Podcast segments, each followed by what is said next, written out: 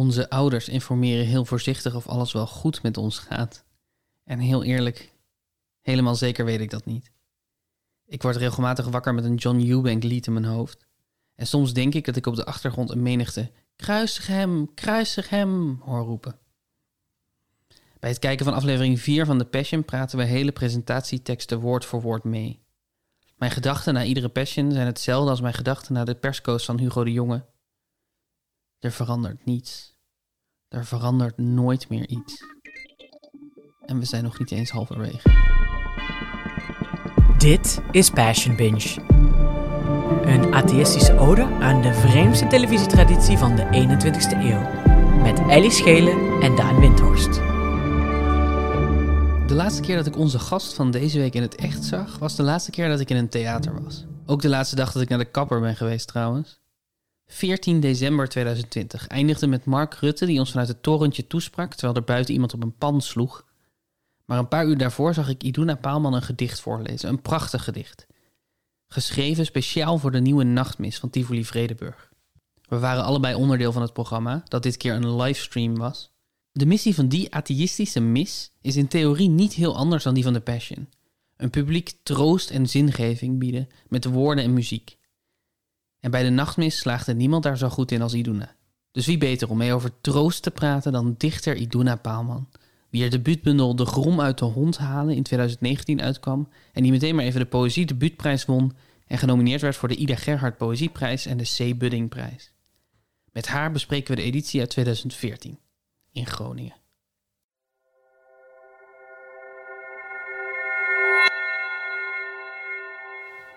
De vierde editie van The Passion vindt plaats op 17 april 2014 in Groningen.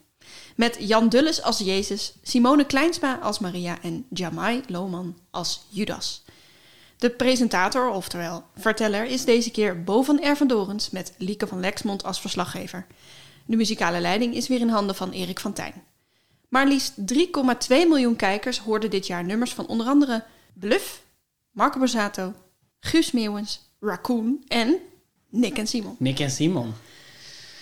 Iduna, welkom. Dank. Wat hebben we jou aangedaan? wat, een, wat een goede beginvraag. nou, eigenlijk hebben jullie mij echt een, een heleboel levenservaring en verbreding van mijn referentiekader aangedaan. Want ik had gewoon nog nooit zowel een uh, Passion Live bijgewoond als een registratie ervan bekeken. Dus eigenlijk moet ik jullie beginnen met jullie danken voor deze, nou, deze toevoeging aan mijn leven. Hoe, en hoe ben je eruit gekomen? Nou, het was een rollercoaster, Daan. Dat moet ik toch eerlijk zeggen. nou ja, kijk, ik was natuurlijk... Uh, ik ben, was vrij sceptisch en cynisch. Ik dacht, dit wordt een soort overtrokken, dramatisch, soapachtig gebeuren.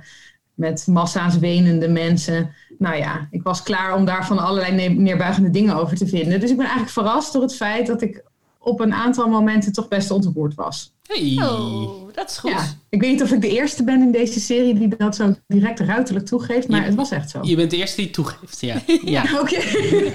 Het, ik moet zeggen, het is ook mijn passion waarin ik voor het eerst een keer of drie bijna volschoot. Ja, ik had dat, ik had dat ook. Het is, gewoon een, he- het is wel emotioneel gezien een heel geslaagd. Ik Ja. heb heel veel gedachten erover, maar het is heel grappig. Het- eigenlijk is het bijna alsof we allemaal try-outs van dezelfde voorstelling zien. En iedere keer zien hoe ze een stapje Ja. verder komen. En dan weer ontdekken, oh nee, dit is het niet. En dan weer een stapje terug en zo. En ik heb het idee dat ze nu steeds dichter, bij, voor mij steeds dichterbij komen bij dat, dat, die, dat de voorstelling werkt op mij. Maar en, en waar ligt dat dan aan? Want jullie hebben nu dan natuurlijk kunnen, kunnen vergelijken. Ik heb dat dus, dus Mhm. niet. Dus in mijn informatie is dit hoe een passion altijd is. Maar het is dus vaak minder overtuigend. Nou, er is sowieso een enorme vergrotingsslag weer plaatsgevonden Ja. in, de, in de schaal ervan. Dus het podium had dit keer balkons. Ja, Dat is echt een soort, soort toren gebouwd op de vismarkt. Met mooi op de achtergrond een Albert Heijn. dat is een Albert Heijn, toch? ja, ja, ja, de koolbeurs. Het is Ja, een heel indrukwekkende. Albert Heijn. Ik heb daar vakken gevuld. Ja. ja. dat is echt waar. Een weekje. Ik dacht echt de vorige keer dat het niet groter zou kunnen dan wat, er, wat we de vorige keer hebben gezien. De vorige keer liep René van Koot over het water, Iduna. Oh, Maar ja. het was dit keer weer een, weer een stap groter. Nou, en ook een groot onderdeel van het hele Passion Concert is elke keer Maria, die bij de mensen op, bij het podium staat. En Bo natuurlijk. Ja. En deze keer ehm, had Maria ook daadwerkelijk verschillende emoties om te spelen. Dus zij had een lijn. Eerst waren de Maria-nummers veel meer alleen maar klaagzang en al rouw. En, en ik ontdekte nu, en Simone Kleinsma doet dat gewoon ook heel erg goed, vind Ja, ik. vond Ja. ik ook, ja. Ze is het ultieme moederfiguur. Ze draagt ook voor het eerst blauw, viel mij op. Als in Aha. Maria wordt in allemaal schilderijen altijd met blauwe kleding afgebeeld. En dit was de eerste Maria die ze ook in het blauw hadden gehuld. Ja, dit is wel vanaf nu een Simone Kleinsma fan podcast. Want holy shit, wat, maakt, Ja. wat doet zij dit goed? Ja, Ik vond haar ook fantastisch, ja. En het, ik, ik vond het stom dat ik op, niet op haar naam kwam. dus ik ben tijdens... Want ik dacht, ik ken haar natuurlijk, dit gezicht. Ja, het is natuurlijk zeker. gewoon een heel bekend gezicht. Maar ik dacht, ah, dit is Catharine Keil. Nee, het is niet Catharine Keil. Het is Martine. Ja. Nee, het is ook niet Martine Bijl. Maar snap je een beetje het idee van al Zeker. die vrouwen die... Nou ja, ze hebben allemaal wat met elkaar gemeen. Dus ik heb ondertussen zitten Wikipedia En dan als zij in beeld kwam, dan vergat ik dat Wikipedia omdat zij toch, ja, ik weet niet, ze was heel erg aanwezig. Eigenlijk het meest aanwezig van iedereen. In, in Ja. oprechtheid of zo. ja. En wat interessant is, is dat ze eigenlijk nog steeds heel weinig te doen krijgt. Het is een soort van terugkerende kritiek. Dat eh, Maria heeft, staat wel de hele tijd op dat plein, maar maakt eigenlijk niet zoveel ontwikkeling door emotioneel. Ja. Hmm. Heeft geen tekst, Nee. heeft alleen maar lied. Maar toch Ja. dat het haar nu lukte om dat rouwende en dat, dat liefhebbende Ja. en al die verschillende eh, aspecten van het moederschap zo, zo secuur te, te spelen. En ook nooit te groot. Ook in de keuze voor de nummers. Ik, had opgeschreven dat daar een enorme lijn in zit. Het begint heel vrolijk. Met eh, Als jij naar me lacht. Dat is een nummer van Marco Borsato. Het klinkt een beetje als het begin van een serie. Ja, ik zou wel het eerste couplet van Als jij naar me lacht even willen luisteren. Want ik heb daar wel een gedachte over. Dit is terugkerend, hè? Dat is bijna elk nummer beginnen met het Ja. thema van de Passion. Dat deden ze eerder ook niet.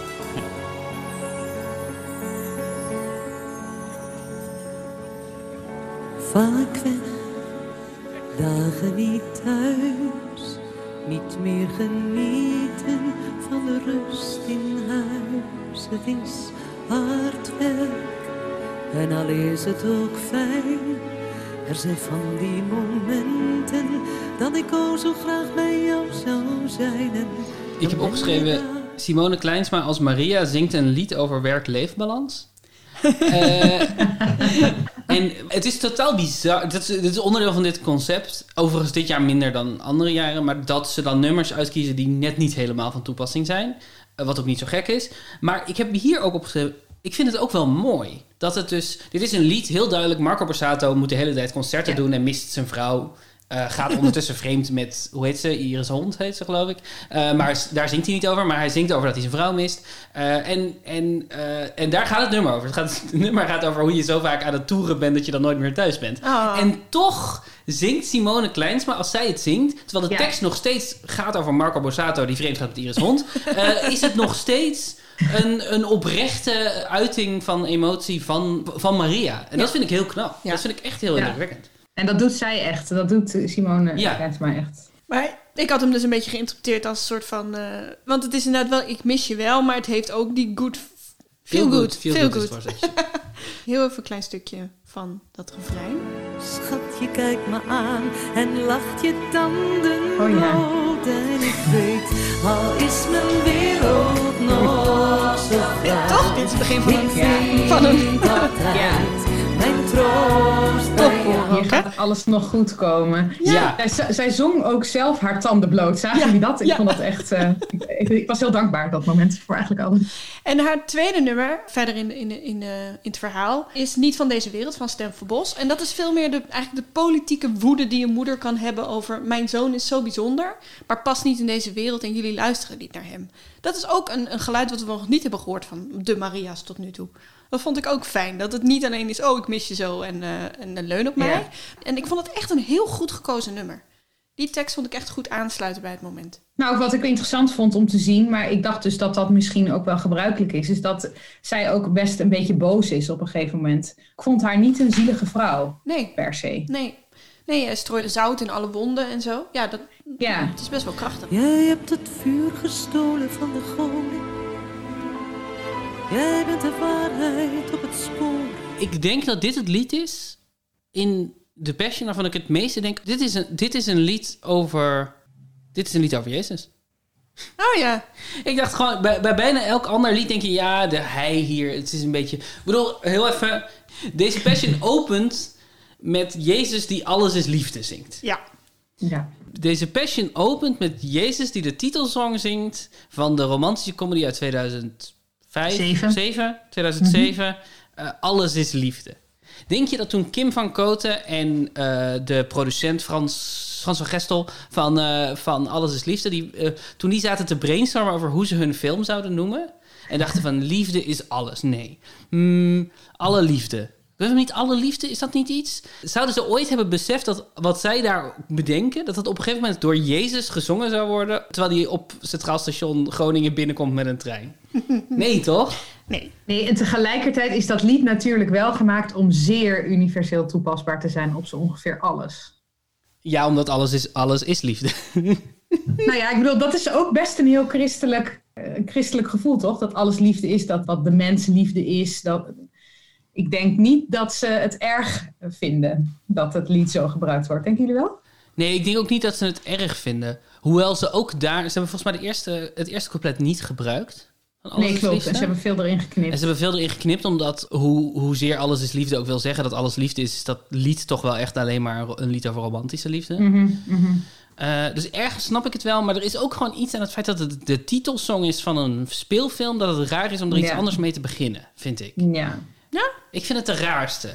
Oh ja. Maar dat is misschien ook omdat ik, het een heel, omdat ik Alles is Liefde gewoon fundamenteel een heel grappig lied vind. De, de mensen van Bluff, vooral eh, de schrijver van Bluff, de tekstschrijver van Bluff, die, dat is een heel complex iemand die eigenlijk bijna nooit simpele emoties wil samenvatten. Dus bijvoorbeeld, het is een mooie dag voor de dood. Het is eh, altijd twee dingen bij elkaar. Het gaat altijd over conflict. Het gaat altijd over ingewikkelde gevoelens. Het gaat altijd over gevoelens die je het beste kan omschrijven met metaforen die niemand begrijpt. En Alles is Liefde is een te simpele emotie voor de schrijver van Alles is Liefde om helemaal uit te komen. Dus het enige wat ze ook, wat ze ook een soort van doen in de tekst van dat lied is een soort van Oprah-style. Jij krijgt liefde en jij krijgt liefde en jij krijgt Ja, liefde. ja, En wel voor, voor wie denkt dat het te laat is. Ergens om de hoek wacht soms geluk. Ja. geluk. Nou, zeker. voor hem en voor haar en voor hen en voor die en voor dat. En, die. en dat, Ja. je, je hoort gewoon dat ze er niet helemaal uitgekomen zijn. Het, het, is, het is te vrolijk, muzikaal gezien voor Bluff. Het is gewoon niet echt een blufflied. Het is een, het is een beetje een sell-out lied. Eh, op, de, op een goede manier. Als in, ze hebben iets moois gemaakt, maar niet iets wat echt bluff is. Ja, ja. En dat dat dan weer gebruikt wordt voor Jezus, ik weet het niet. Ik vind het grappig. Ik vind het gewoon een heel grappig iets. Maar ik ben de enige hierin. Ik vond het... ik ben- Jij moest meteen heel hard lachen. Ja. Eh, dat had ik niet. Omdat ik inderdaad dacht... Oh ja, nou, heel veel mensen zeggen geloof is liefde inderdaad. Eh, of Jezus is liefde. Of ehm, God zit in liefde. Dus ik, ik snapte die link wel. Maar ik ben ook inmiddels bij dat nummer niet meer meteen bij die film. Gek genoeg. Ik moet ook zeggen trouwens dat, dat omdat ik dus zelf nog niet zozeer ervaring had met openingen van Passions, dat toen dit de opening was, ik direct dacht, aha, zo'n ding gaan we dus krijgen. Als in, het is, ja, ik dacht, oh ja, natuurlijk wordt dit lied gebruikt. Ik vond het meteen logisch. Maar jij wilde het hebben over de eerste zin. Eh, je hebt gelijk. Je, je hebt het vuur gestolen van de goden. Je bent de waarheid op het spoor. Nu vind je elke deur gesloten, want de brenger van de boodschap wordt meestal vermoord. Oh ja. Ze moeten toch eh, bij The Passion heel blij zijn geweest toen ze op een gegeven moment de zesde Stef Bos CD aanzetten en toen opeens deze tekst hoorden. Ja, ja, ja. En daarna eh, gaat het iets meer richting de welbekende rouw en de persoonlijke rouw. Maar nog steeds met, een, met woede. Eh, namelijk in, in Mar- Waarom Nou Ja van Marco Borsato. En dit was een van de eerste momenten dat ik dus bijna volschoot. Omdat Simone dat heel mooi zingt. En omdat dat nummer heel goed ken, kwam ik achter. Dat dat zit een soort van in mijn eh, DNA geprint. vaak, vaak gelu- geluisterd. Mhm. En omdat het, ja, het is zo'n, het muzikaal gezien en die tekst gaat zo over eh, de wanhoop van iemand kwijtraken. En volgens mij is het niet een rouwnummer, maar is het, gaat het over iemand die je verlaten heeft. Ik denk wel dat het een rouwnummer is eigenlijk. Was, was dit het nummer dat kwam eh, nadat wij met eh, de verslaggeefster Lieke even een gesprek hadden gehoord met een vrouw die haar zoon eh, was verloren aan een ongeluk in Barcelona? Die zoon had ook iets gezegd als van, "Maar mam, ik, ik ben liefde of zo. Dus nou ja, dat Ja, ze Lie- liefde is een staat van zijn. Ja, liefde is een staat van zijn. Maar ja, ik weet niet of dat hetzelfde moment was Na dat moment met die vrouw zingt Maria Kijk omhoog. En dan daarna zingt ze Waarom nou jij? Ik vond in ieder geval dat gesprek met die vrouw. Nou ja, daar moest ik bijna huilen. Ja. En dat daarna, de nummers die na, daarna kwamen, zo drie keer harder bij Ja. mij aankwamen. Is echt, dat kwam echt door die vrouw, het verhaal van die vrouw. En dat ze net, zeg maar, zichzelf in de hand, haar emotie in de hand Ja. had, maar eigenlijk ook niet. Ja, dat was, dat was een goed moment. eh, ook gewoon om. Je had het bijna niet beter kunnen bedenken. Eh, Ik bedoel, ik gun, ik gun het die vrouw dat het wel beter was bedacht en dat die zoon nog leefde hoor. Maar dat Ja. die, die zoon die had haar een dvd'tje van, van The Passion gegeven. Ja, van het jaar Ja. daarvoor. Van het jaar daarvoor, omdat ze het gemist had. Ja. En, en ze had, dat was nu een half jaar geleden en ze had zich er nog niet toe kunnen zetten om er naar te kijken, omdat het gevoel nog te rauw was. En nu liep ze zelf mee. Ja. Ja, Ja, dat gaat over een, een cirkel sluiten of zo, of het weer rondmaken. Of, Ja. ja. ja, dat werkt heel goed. Ja. nou ja, en als Simone dan daarna zingt, waarom nou jij? Ja. Of ik eh, Ja. niet meer. Nou ja, ik ben niet gelovig, dus dan gaat zo'n lied natuurlijk niet per se over Jezus, maar dan gaat dat natuurlijk over zo'n vrouw. En dan ben ik helemaal met haar mee. Ja. Nou ja, dat is natuurlijk lekker. Ja, ja, en ook omdat je weet dat ze nog jaren daarna dit in de Spotify-playlist heeft staan... en iedere keer moet huilen als dit nummer voorbij komt. Omdat het ook Ja, voor haar een nou zo'n ja. belangrijk moment is geweest. Ja, is dat dan mede, dat je meeleidt? Nou ja, dat, het voelt ook bijna een soort van als ehm, dat je geniet van iemand anders zijn leed. Of dat, nou ja, toen ik dit aan het kijken was, toen dacht ik dus, oh ja, dit is een mooi moment, plusje. Toen dacht ik, ja, het is natuurlijk eigenlijk heel erg dat ik het leed van deze vrouw tot een plusje reduceer. In verder een soort wanstaltige eh, vertoning, want dat is het, laten we eerlijk zijn, ook. Maar nou ja, vond ik een kleine aantekening bij de vreugde die ik eigenlijk voelde toen deze vrouw eh, eerlijk haar, haar verhaal deed. Nee, ja, dat snap ik wel. Dat, dat, daar hebben we het vorige keer hier ook wel over gehad. Over dat je natuurlijk toch ook een beetje oordelend zit te kijken ernaar. Of dat je denkt van, eh, wat dus betekent dat inderdaad de mooie dingen vooral een plusje op een rapport wordt. Ja. Nou ja, of dat je bezig bent met een soort van de lijn, of, of hè, waar raakt het nou? En, en, maar dat komt misschien ook omdat we kijken met een soort de afstand van zelf als je maker bent of zo. Ja. Maar dat ik dan eens denk, oh ja, heel goed getimed dit, mooi, prima, prima gedaan. Dat is natuurlijk niet de bedoeling. Ja. Nee, maar het was wel een van de eerste keren dat in die, die soort kruismomentjes, kruisinterviewtjes... ook eh, echt dingen naar voren kwamen die, die ontroerend Ja. waren. En die dus Ja. die op die manier werkten in ieder geval voor mij. Want over het Ja. algemeen roepen ze daar gewoon heel hard in de, in de microfoon dat de sfeer zo goed is. Ja, Eh, dat vond ik ook. Er zijn echt een, een paar mensen die gesproken zijn. Dus ze, ze sprak met een jongere die gelovig was. Die zei van, nou, dus, het is, die was heel vrolijk en die vertelde een beetje over hoe de mensen in haar klas daarover over praten. En die zei op een gegeven moment zo heel oprecht. Maar ja, als gelovige jongere is het gewoon best wel eenzaam. Ja. En die kwam al best wel binnen bij mij.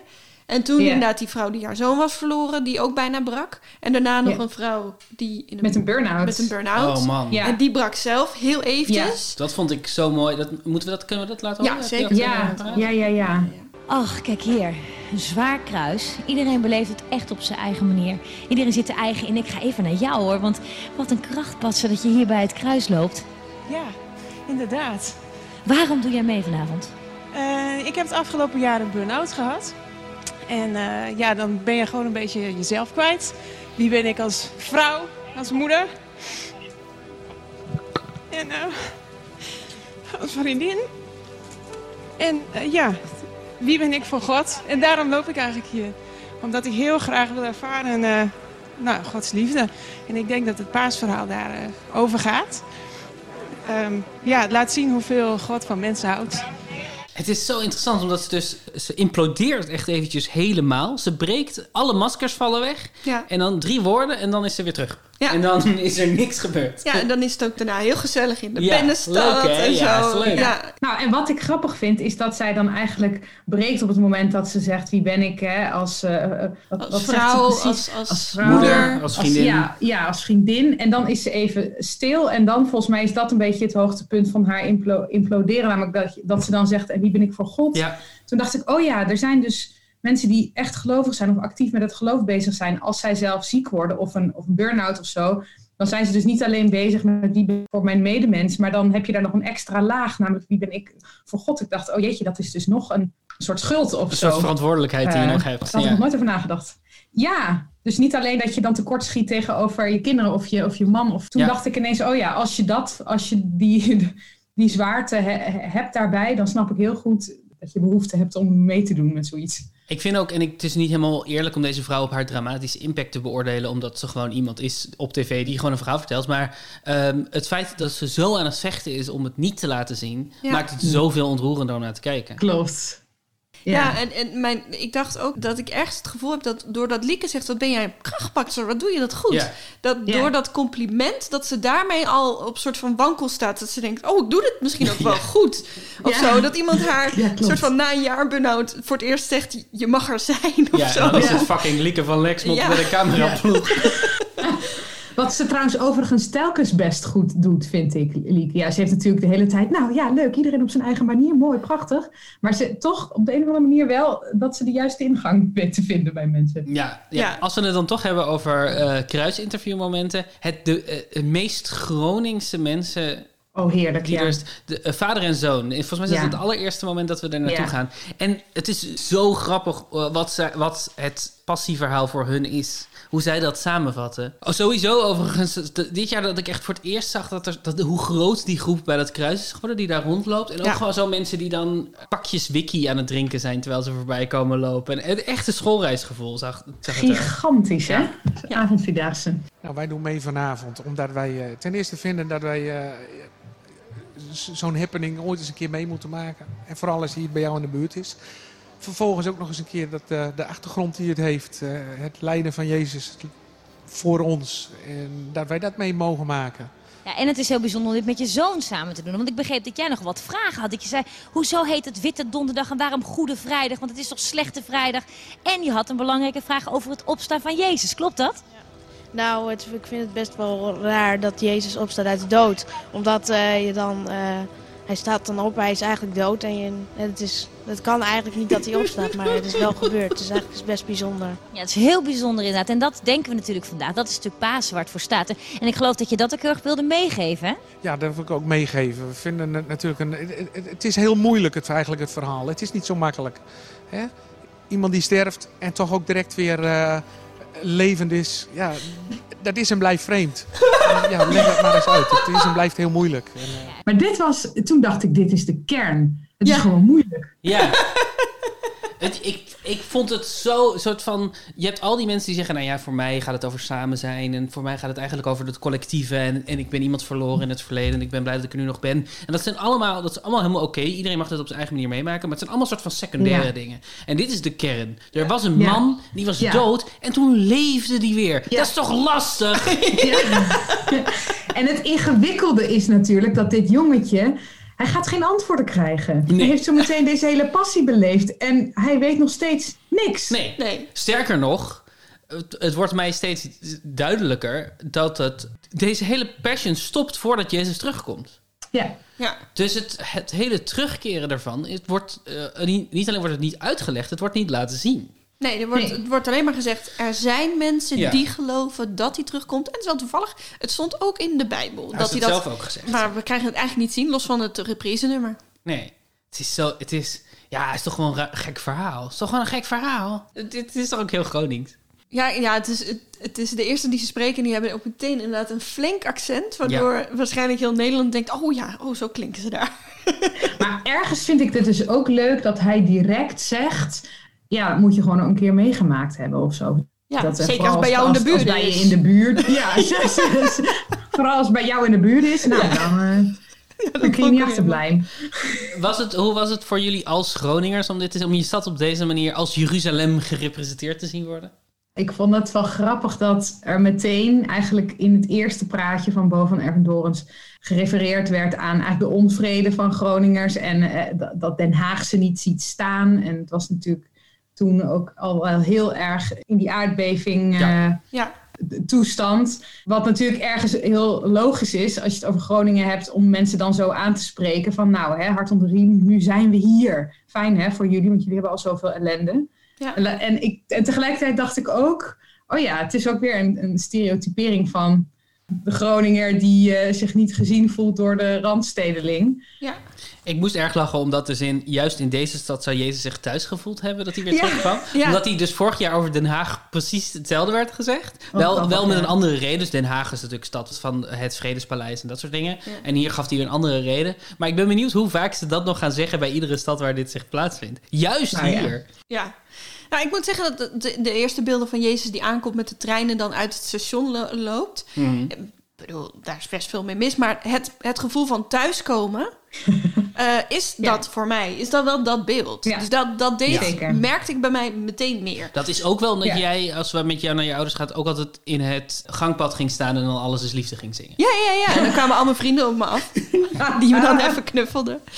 Ja, maar ik was... En ik was dus ook meteen... kwam inderdaad de, de verbolgen Groninger in mij naar boven. Dat ze zeiden de mooiste plekken van Groningen aan het begin. Ja. En dat, waar, gaan, waar komen we dan? Nou, ja, de vismarkt, het station, oké. Voor de universiteit was ik blij mee. Vind Bij de Mr. Mofongo's. Bij de Mr. Mofongo's heb ik veel koffie gedronken. Maar verder zitten we in een ondergrondse parkeergarage. Ja, Ja. Bij de Ossenmarkt. op waar- een autograf. dat ook nog ja. een autokerkhof. Jamai Ja. die op een, op een stapel auto's eh, klimt. Ja. En een Martini Kerkhof.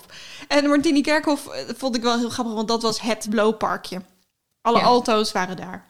En, en daar zit dan Jezus met zijn... eh, Denk je dat ze dat bewust eh, niet het Martini Kerkhof hebben genoemd, maar eh, het kerkje bij de Martini Kerk? Of het, het parkje bij de Martini Kerk? ja, dat denk ik wel. ja, want ze zeiden zoiets, ja, het parkje achter de Martini-toren. Dus ze hebben niks gezegd over dat dat, een, dat, dat het kerkhof eigenlijk. Dat hebben ze natuurlijk expres weggelaten. Maar eh, ik, ben, ik ben het voor, voor de rest wel erg met je eens dat, eh, hoewel mijn no- nostalgische hart eh, harder ging kloppen bij de aankomst op het station, omdat, natuurlijk, omdat we nu niet meer in Groningen wonen, de manier om weer in Groningen te komen vaak, nou ja, ten eerste op die plek plaatsvindt. Ja. Maar dat de rest van de plekken, ik moet het echt met jullie hebben over die bowling scène bijvoorbeeld. Ik heb opgeschreven in mijn aantekeningen Jezus Cola Bolen. Ik heb opgeschreven, even kijken, die bowling scène, ha ha ha ha ha. Ja, dus eh, wat, er wat gebeurt er? We openen, eh, dus de, de sequentie opent op, het, op een scherm waar de bowlingscore te zien is. Ja. Dan zien we, is het Jezus die de eerste de bal pakt? Of is het Nee, Petrus? Ik geloof het niet, Petrus, toch? Nee, het Of is die Judas. rode jongen. Oh, Oké. Eh, en dat is een, een internet... Iemand met een internetbedrijf. Een miljonair of zo. Oké, dus de oprichter van Hives zien we een, een bowlingbal. eh, eh, en het- hij heeft een strike, heet dat? Oh, is dat dat- een strike? Als je, eh, Ja, hij ja. alles. hij slaat ze allemaal om. Hij slaat ze allemaal om en dan gaan we naar Jezus die met een, een, een glaasje, eh, inmiddels eh prikloos geworden cola, Ja. Platte cola. ja. platte cola, eh, lekker zitten chillen in de bowlinghal. Eh, sinds vorige keer is er een nieuwe scène bijgekomen. En dat is deze scène. Ja. Waarin Jezus aan zijn Aha. vrienden vraagt, vraagt... Wie ben ik voor jullie? Wie ben ik voor de mensen? Wat, wat wil je er graag over zeggen, Iduna? Ja, ik, ik vind het dus erg ingewikkeld om eh, deze scène helemaal af te kraken. Mhm. Maar ik zou eigenlijk toch een poging willen doen. Omdat het, ja, ik weet niet. Ik vind, die, ik vind het, het- de poging om ze een beetje eh, vriendenachtig. Het is een beetje stoer bedoeld, want ze slaan elkaar een paar keer zo echt eh, Ja. broederlijk zo om de schouders. Yo, je hebt het goed gedaan, deze bowlingbal gedragen. het, is, het, het is zo niet een goede combi met de vraag die hij stelt. Nou, wie ben ik voor? Ja, ik bedoel, ga een boswandeling maken. Doe dit op de heide of zo. ik snap gewoon niet. Ik snap het gewoon niet. Nou ja, het is, het is heel erg natuurlijk, doen ze hun best om Jezus te, eh, en, en de, de discipelen te vermenselijken. Ja. Om ze, ze zijn Ja. net zoals jij en ik. Ja, en dat zijn ook het zijn bros, weet je wel. Dus vorige keer Ja. stonden ze in een poolbar en nu staan ze te bolen. Het zijn, het zijn, het zijn geen gay mannen die eh, eh, lekker gaan filosoferen op de hei. Nee, het zijn, eh, het zijn gewoon eh, boys zoals jij en ik. Dat denk ik ook. Ja. Sterker nog, ze zijn zo eh, no homo Ja. dat ze in het lied wat hierna komt, omarmen, dat ze het woord lief hebben vervangen met het woord vriend. Dat vond ik echt. Want voor de duidelijkheid, ehm, volgens mij is het nog nooit eerder gebeurd in de Passion dat ze teksten hebben herschreven. Ik denk wel dat ze een stukje weg hebben gehaald eerder, of dat ze, de, dat ze met coupletten hebben geschoven of wat dan ook. Maar volgens mij is dit de eerste keer dat ze echt actief teksten hebben herschreven. Ja, Vriend, ga dan mee en omarmen.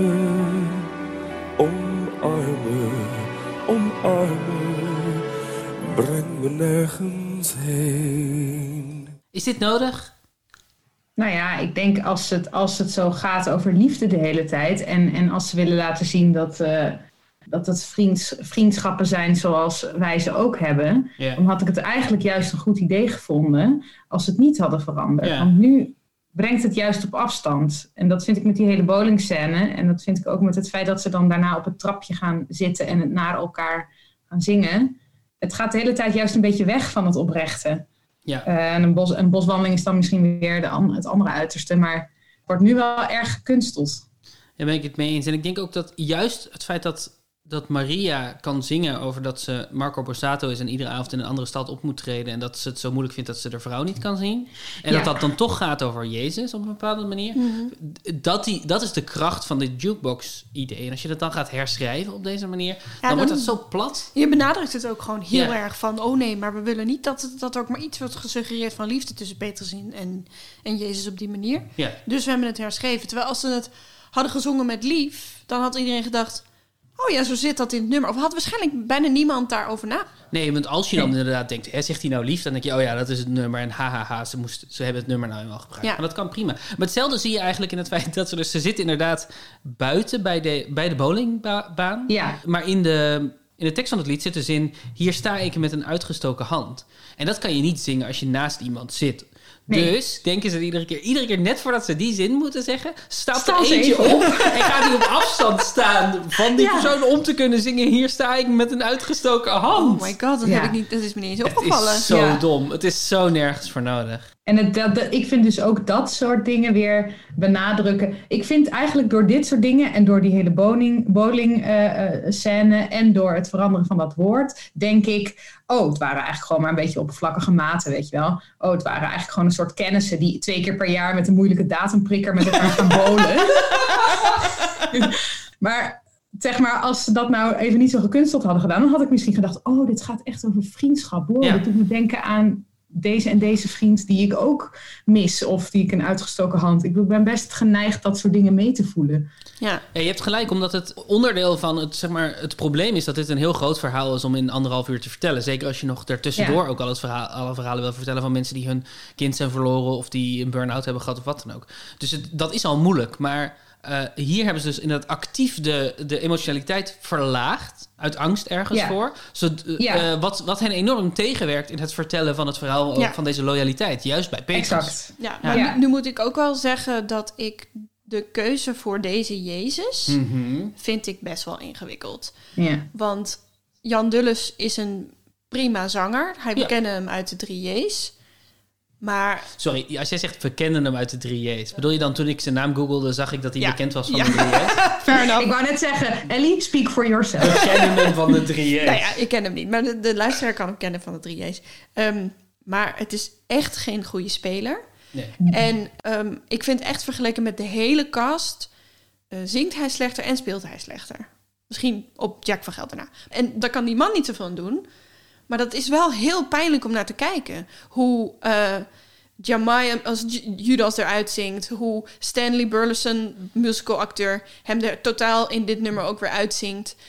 Eh nou, Simone Kleinsma natuurlijk. Ja. Ja. En, en het is gewoon, maar, maar het is wel, het is je hoofdfiguur, het is je Jezus, weet je wel? Ja. Als hij nou een bijfiguur had gespeeld, no problem. Maar nu valt het zo op dat hij, nou ja, gewoon echt een beetje in het water valt. Hij heeft maar tien zinnen misschien, tekst. Ja. En het valt iedere keer een beetje tegen, ja. Ja. is, Nou, het was eh, ook door hem eigenlijk, want ik kende hem niet als eh, een van de drie J's. En het verbaast me eh, verder niet. Tenminste, ik, ik had verder niet een verhaal bij hem. Maar ik voelde wel de soapachtigheid verscheen en verdween eh, met hem. Ja, Eh, want ik vond bijvoorbeeld Jamai ook... Ja, ik ben een groot fan van Jamai. Hij heeft eh, al jaren geleden mijn hart eh, gestolen. Maar eh, ja, ik vond hem ook vrij- echt wel overtuigend. Ja, eh, absoluut. Ik vind het- ik Echt, vind het- wat een man. ook leuk aan Jamai dat ze hem hebben gecast als Judas. Ja. Want dat is niet per se een logische ik ook. keuze. Ja, maar juist leuk. daarom, in, ook in die, nou ja, die scène dan ehm, in die parkeergarage, wat natuurlijk, ja, ik weet niet, het is een parkeergarage, dat doet, dat doet dan toch ook wel weer wat met mij hoor. Dan denk ik, oeh, donker, spannend. Ik ben dan wel mee. en dan met Jamai als een soort uh, ja, slechterik. Ik, maar, maar omdat dat, nou, dat is, Eddie, wat jij zegt, echt wel waar. Omdat dat allemaal zo best sterk is. En dan komt Jezus en dan denk je, oh nee, toch niet. Ja. Maar ook, ook gewoon in het zingen, het spelen van het zingen. Het viel me trouwens dit keer ook voor het eerst echt op dat Jamai en Arjen Lubach best wel op elkaar lijken. Ja, Oh ja. Dus Arjen maakt dat grapje best wel vaak. Dat hij zegt van... eh denken jullie allemaal, wat zit Jamai hier? Maar, en toen dacht ik dat eigenlijk lijken jullie niet zo op elkaar. Maar nu in, in specifiek de Passion van 2014 lijkt Jamai best wel Ja. veel op Arjen Lubach. Ja, Dag meester. Zo, vriend. Hier ben je dus voor gekomen. ja. Om mij te verraden met een kus.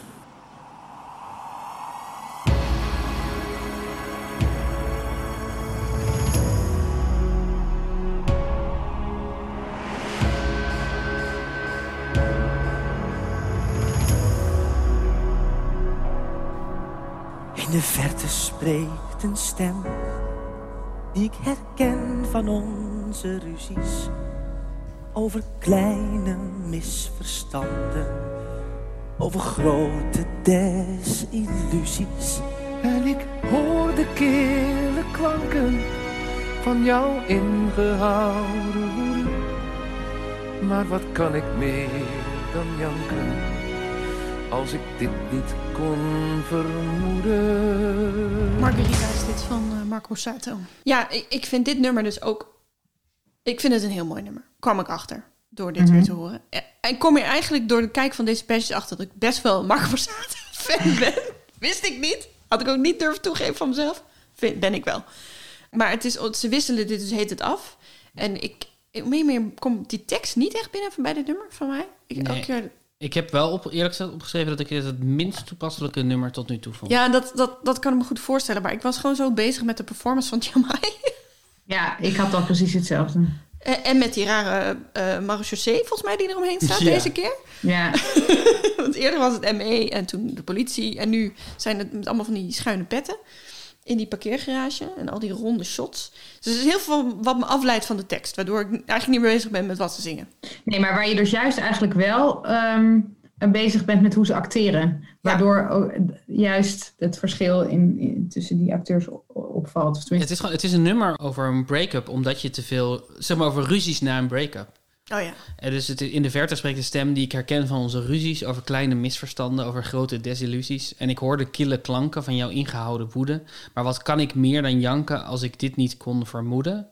Wat sowieso niet per se een prijs wint qua zin. Maar het gaat dus heel erg over te lang bij elkaar blijven en de hele tijd naar elkaar aan het schreeuwen zijn in een huis. Oh ja. Ehm, en, maar wat tot een uur geleden nog zo veilig heeft geleken, is een hele grote leugen en een kaartenhuis gebleken. Die tekst hebben ze ook nog aan Judas gegeven, wat ik helemaal interessant vind. Dus Judas zingt, maar wat tot een uur geleden nog zo veilig heeft geleken, is een hele grote leugen en een kaartenhuis gebleken. Ja, wat is, dan de, wat is dan het kaarthuis volgens Judas? Ja, wat is de Het zou veel logischer zijn als Jezus dat Absoluut. Ja. Het is gewoon absoluut niet iets wat aan de hand is in, in het verhaal tussen Judas en Jezus. Nee, we- we- ze hebben wel één zin aan de verteller toegevoegd...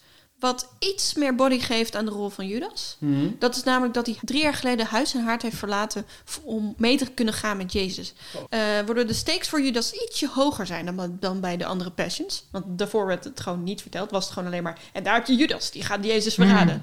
Dat je denkt, Ah, ja, oké, maar why? En wat hebben ze dan tot nu toe met elkaar? Eh, dus ik, ik krijg iets meer van, oh ja... Maar toch blijf ik erbij dat Ik leef niet meer voor jou... eh, van Frank, Frank Lammers in de eerste Passion... het meest samenvat van waar Ju- Ju- Judas voor staat. Waar zijn woede vandaan Ja, klopt. Dat is een andere plek in de, in de dramaturgie inderdaad. Dat is het klassieke Judas worstelt met zijn gevoelens moment. ja. Ik vond dat trouwens, want daar werd wel een beetje een gekke suggestie gewekt door Bo van Ervendorens, die ook nog in, in zijn vertelstukje iets zei over Judas, die worstelt natuurlijk met zijn gevoelens. En toen kwam daarna dat stukje parkeergarage. Toen dacht ik, ik weet, heb geen idee waarom die, waarom die worstelt met zijn gevoelens. Maar dat is dus in elke passion dat dat niet echt De Passion heeft een Judas-probleem, namelijk dat in de Bijbel niet wordt uitgelegd waarom Judas doet wat hij doet. En ze, ze zitten een beetje vast aan het Bijbelverhaal en de, de normale interpretatie daarvan. Dus ze kunnen niet echt dramatischer uitleggen waarom hij worstelt met zijn gevoelens. Maar ze vinden het wel heel belangrijk om hem als personage uit te lichten. Dus ze laten Ja. hem een moment geven dat hij in dit geval op een autokerkhof Ja. eh, Ja. op auto's klimt en een, en een lied zingt met... Wat ik overigens wel een goed, goed gekozen lied vond in dit geval. Want En een heel goed gezongen lied. Goed, ja. want Jamai, kom op. Come on! En, eh, maar ehm, eh, hij schrijft... eh, dat, volgens mij eindigt dat lied met dat hij zingt... Daar ga ik dan. Ja. Dat nummer is van Gu- Guus Meeuwis. Oh. En heet Gevallen of Gevlogen. Maar Judas worstelt erg met zijn gevoel.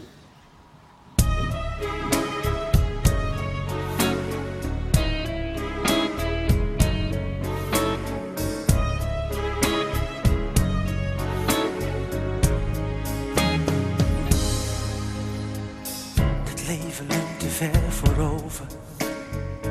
Mooiste bloem staat aan de rand. Onderkoolt het wassend water. Gooit zich schuimend op het zand.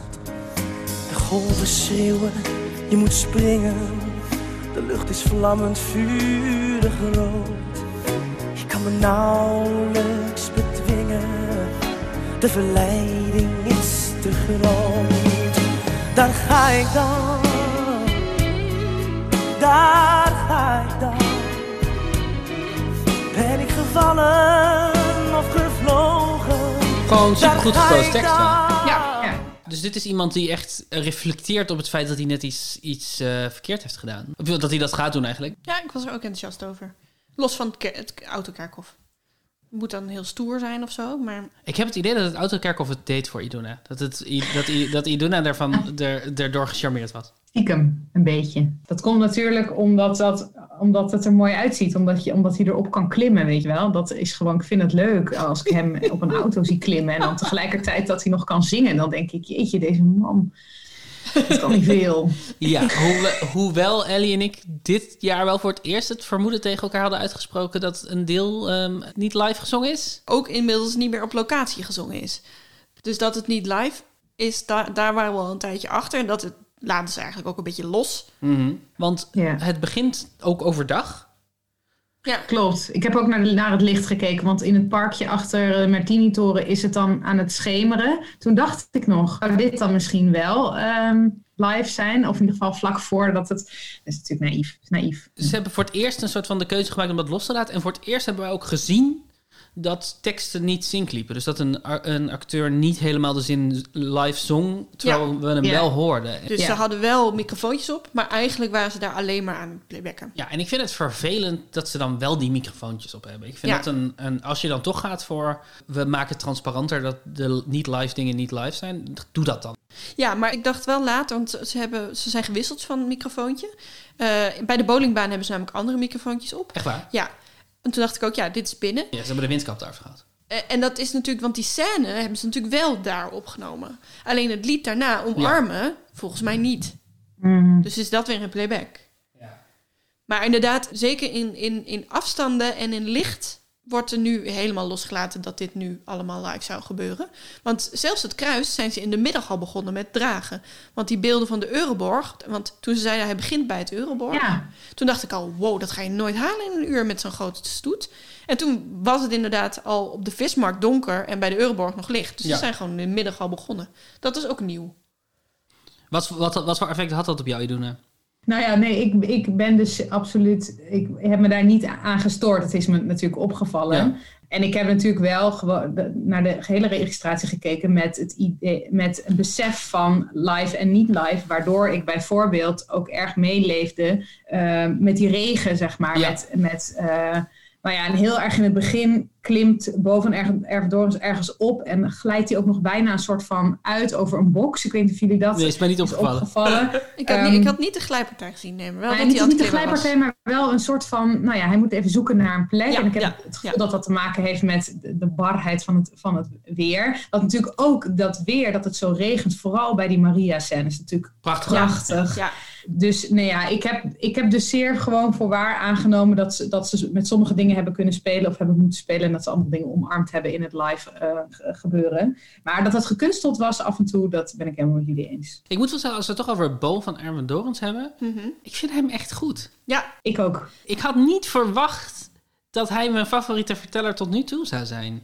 Nee, hij staat in het moment. Hij, volgens mij improviseert hij er af en toe dingen bij. Dus hij, hij noemt de dingen uit de interviews met Lieke, die zijn genoemd. Dus Ja. de, bijvoorbeeld die mevrouw over de, over de zoon, Liefde is die in zegt, staat van eh, zijn. liefde is in staat van zijn. Daar herhaalt hij Ja. eventjes, staat hij even bij Komt stil. hij later nog op terug? Komt, eh, komt hij later nog op terug. Naast de liefde herhaalt hij van iemand in het interview. Hij, hij, ehm, hij moet heel veel zeggen over Groningen. Dat vond ik een beetje irritant aan de, aan de teksten die geschreven waren. Ook over, zeker over die aardbe- aardbeving. Er wordt een soort van vier keer aan gerefereerd. Mhm. Ehm, maar ik, ik vind het, ik- hij doet het echt goed. Ben ik ook mee eens, ja. Maar dat het komt misschien ook omdat we een bepaald vooroordeel over Bo van Ervendorens hebben. Zou dat kunnen? Nou, ja, je hebt gelijk. Ik, had hem, ik heb een, absoluut een RTL Boulevard vooroordeel over hem. Terwijl ik ook wel weet dat hij daarna allemaal heel oprechte dingen heeft gemaakt. Waarin hij met eh, allerhande zielige bevolkingsgroepen op avontuur is geweest. Ehm, maar het is ook gewoon echt dat we hebben, we hebben ook Philip Freriks gehad. Ja. En ik vind Bode echt met, met kop en schouders boven, eh, bovenuit steken. Ik vind echt dat hij, inderdaad, hij staat daar... Hij staat daar niet een, hij, hij staat natuurlijk wel een autocue te lezen, maar hij staat daar niet een autocue te lezen. En dat is echt knap. Nee. Ja. hij staat er ook niet voor zichzelf. Nee. Tenminste, dat is misschien een oordeel dat ik eh, heb. Niet per se bij hem, maar meer bij eh, eh, mannen zoals hij... die bij, aan tafel bij Boulevard BN'ers. aanschuiven. Ja, en nou ja, dat ze daar toch een beetje hun eigen show staan te doen. En dat is niet wat hij aan het doen is. Hij is helemaal in dienst van de taak die hij heeft. Hij is ook niet overdreven de show aan het stelen met zijn eigen geweldigheid of zo. Het is best wel vlak af en toe wat, hij, wat hij doet. Wat Ja. werkt, juist. Heel clear, heel, heel eh, mi- minimaal op een bepaalde Ja, manier. klein, ja. Ja. Het is wel vreemd dat hij soms met zijn rug naar het publiek toe staat te presenteren. Oh. Hij staat op een gegeven moment op dat balkon. Ja. Dus hij begint gewoon op het podium. En dan is er dus nu vanaf nu een balkon. En dan staat hij ook de hele tijd net iets te dicht bij het Bormenvrouw. En dan denk je, wat zei daar nou? En dat- daar hebben ze dus voor het eerst een soort van het 3FM Award gevoel. Van Hm. dat, dat je heel duidelijk merkt, oh, deze presentatie is niet bedoeld voor de mensen die er in het publiek zitten. Maar is Hmm. alleen maar bedoeld voor de camera. Zelfs als ik dat thuis zit te kijken, voel ik me onderdeel van het publiek die dan denkt: Hallo, je staat met je rug naar me toe. Wat is dit? Ja. Oh ja, ja. Oh, Dat is natuurlijk ook het echt het, het ingewikkelde van een live registratie voor televisie maken die tegelijkertijd voor een gigantisch publiek is. Ja. Hoe moet je dan, wat gaat voor? Ja, ja, en wat voorgaat, altijd 3,2 natuurlijk. miljoen mensen thuis. Ja, altijd. Ja. Maar ik moet zeggen dat ik ook met dat bewustzijn zijn en ook het, ja, de passen van de anderen heb gevolgd. Zo, oh ja, camera, publiek, hoe, doen ze, hoe gaan ze dit aanpakken in de regen met balkons? Ik vond het ook lekker dat Bo gewoon even in de lach schoot. En best Ja, wel lang. ja, ja, ja. Het- Wanneer was dat? Maar dat is een moment waar we het sowieso wel even moeten hebben. Ja. Want, want, eh, de, de viskraam, eh, Iduna, is een eh, terugkerende eh, verhaalbeat Ja. in The Passion. Het is misschien wel de vreemdste verhaalbeat. Waarschijnlijk is dit het gebied waar wij echt tekortschieten in onze Bijbelkennis. En Ellie en ik hebben ook redelijk bewust ervoor gekozen om ons niet te veel in te lezen in de Bijbel of in het verhaal. Dus eh, Nee. we weten ook niet precies hoe, hoe dit hoort te zitten. Eh, het is het moment waarop Jezus brood gaat kopen. Ja. Ja. En, en we schakelen altijd naar een viskraam die ergens in de stad staat. Ja. Als we er naartoe schakelen, openen we altijd op een shot van iets blasfemisch. Vervolgens gaan we naar een totaal. We zien dat de viskraam-eigenaar een bekend iemand is. Ja. Die geeft vervolgens het brood aan Jezus, die daar dan voor Ja. bedankt. Deze En- keer ook vissen. eh, en vissen in dit geval. Loopt weg en wordt nagekeken door iemand anders. Door andere BN- Ja. En op zich eh, prima. Als drama ik snap niet waarom dit zo is. Ik snap niet waarom dat blasfemische er de hele tijd in zit. Ja, het was deze keer een poster van Bruce Almighty. Nou, want, want nu hebben we een soort van het vormpje gehoord. Ja. Maar nu is wat de scène daadwerkelijk is. We openen op een poster van Bruce Almighty. Ja. De film uit 2003, denk ik. Met, waarin Jim Carrey God wordt. Ja. We gaan naar een totaal en we zien dat de, de visboer in dit geval Sylvana Simons is. Ja. Sylvana Simons geeft brood aan Jan Dulles van de 3J's. Ja. Hij, Jan betaalt, en vis, Jan betaalt niet, volgens mij, Nee. loopt Nee. weg en wordt nagekeken door Jacques D'Ancona en Henny Huisman. Ja. Die een haring staan te eten. Kibbeling, ja. Kibbeling staan te eten. en naar elkaar iets aan het fluisteren zijn in de trant van... hé, is dat Jezus? Maar dat horen we niet. Ja, en, en een soort oordeel hebben in hun blik. Moeten heel Ik duidelijk spelen. hier helemaal niks van. Nee. nee, dit is dus een heel vreemde scène. Ja. En, en volgens mij is dit ook voor het eerst dat die scène niet... De scène gaat nu niet over naar een lied of zo. Dit is gewoon een losse scène. Bo kondigt hem aan. Ja. We gaan naar die scène en we gaan terug naar Bo. En misschien kunnen we wel horen hoe, hoe Bo daarop reageert. Kijk eens. Vijf broden en twee vissen. Dankjewel.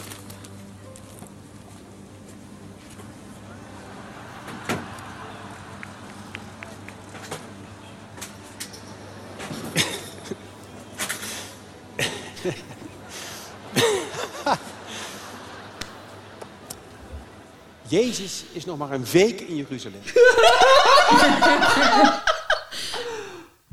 Oh man, hij, hij komt echt eventjes bijna niet meer bij. Maar doet hij dit, laat hij dit toe om, zeg maar, ik kreeg het idee dat hij ook echt totaal niet zijn best wilde doen om dit in te houden. Zeg maar, hij was ook wel, hij, hij was er ook wel aan toe om even ja, dat denk ik dit ook. te doen. Ik denk ook eerlijk gezegd dat het- wat wij niet zo meekrijgen omdat die microfoons zo gemixt staan. Maar ik denk dat er 11.000 mensen op de vismarkt stonden te lachen om dit Ja. fragment. Ja. Dus hij staat ook Ja. gewoon te wachten totdat hij weer kan gaan praten omdat mensen dan gestopt zijn met lachen. Ja. En hij vindt het zelf grappig. Dus het is inderdaad ook een soort van... Het is ook een, gewoon even een beat. Hij laat even een beat vallen. Ja, ik ben ook benieuwd Ja. of hij dat fragment van Henny Huisman en Jacques de Kono al had gezien. Ja, absoluut. Ja, waarschijnlijk wel. Hij heeft alles gezien. Maar het is ook gewoon echt... ehm, dit is de Passion op zijn allerslechtst. Een soort rare verzameling van BN'ers... Ja. die samenkomen tot een soort van knip-plakwerk van dingen die ver- zouden moeten verwijzen naar de Bijbel... maar die geen enkele betekenis meer hebben... eh, als je niet al precies weet waar je naar zit te kijken. Ja.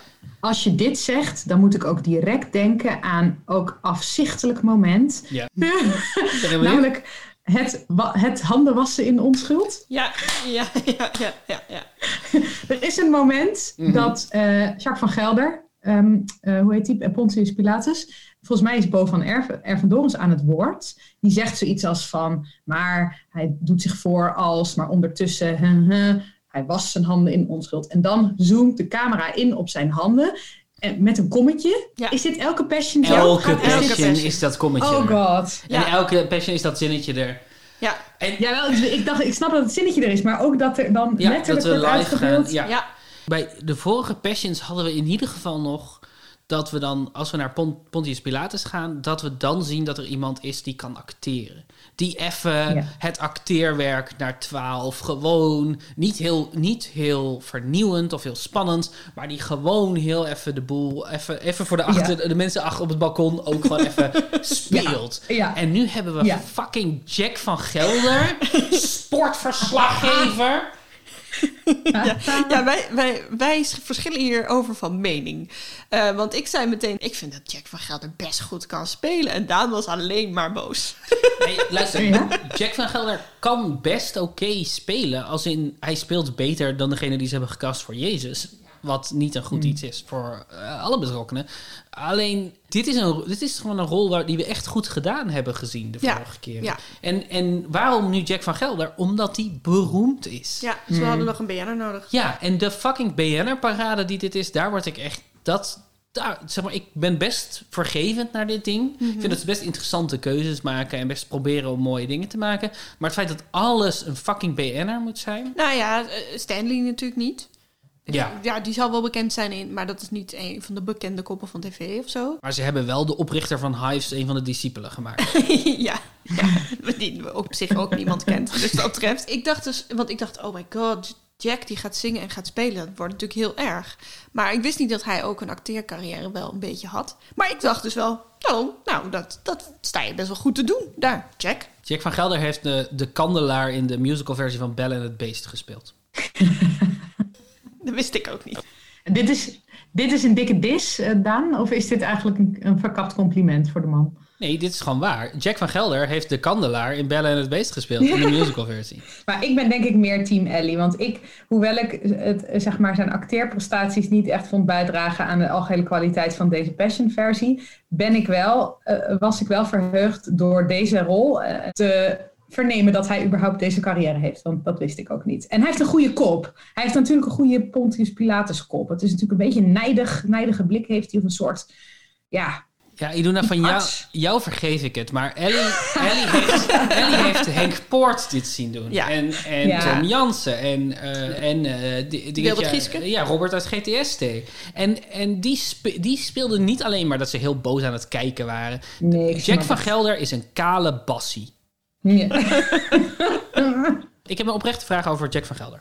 Heeft hij nou het glimmendste pak ter wereld aan? Of is hij helemaal nat geregend? Ik denk dat het een combinatie is die elkaar versterkt. Het is zo glimmend. Het is zo'n glimmend... Ik zag het publiek gere- gereflecteerd in het pak van Jack van Gelder. Wat wel echt goed is, want het is natuurlijk een glimmende man. Het Ja, is natuurlijk ja, een achter de Gladde- elleboog. Het is een glibberige, ja. Jullie kunnen ook alles verdedigen, hè, wat Jack doet. ik, ik, ben geen, ik ben geen fan van... Wel, nou, ik ben niet geen fan van de man. Ik ben gewoon geen fan van de mensen die hem...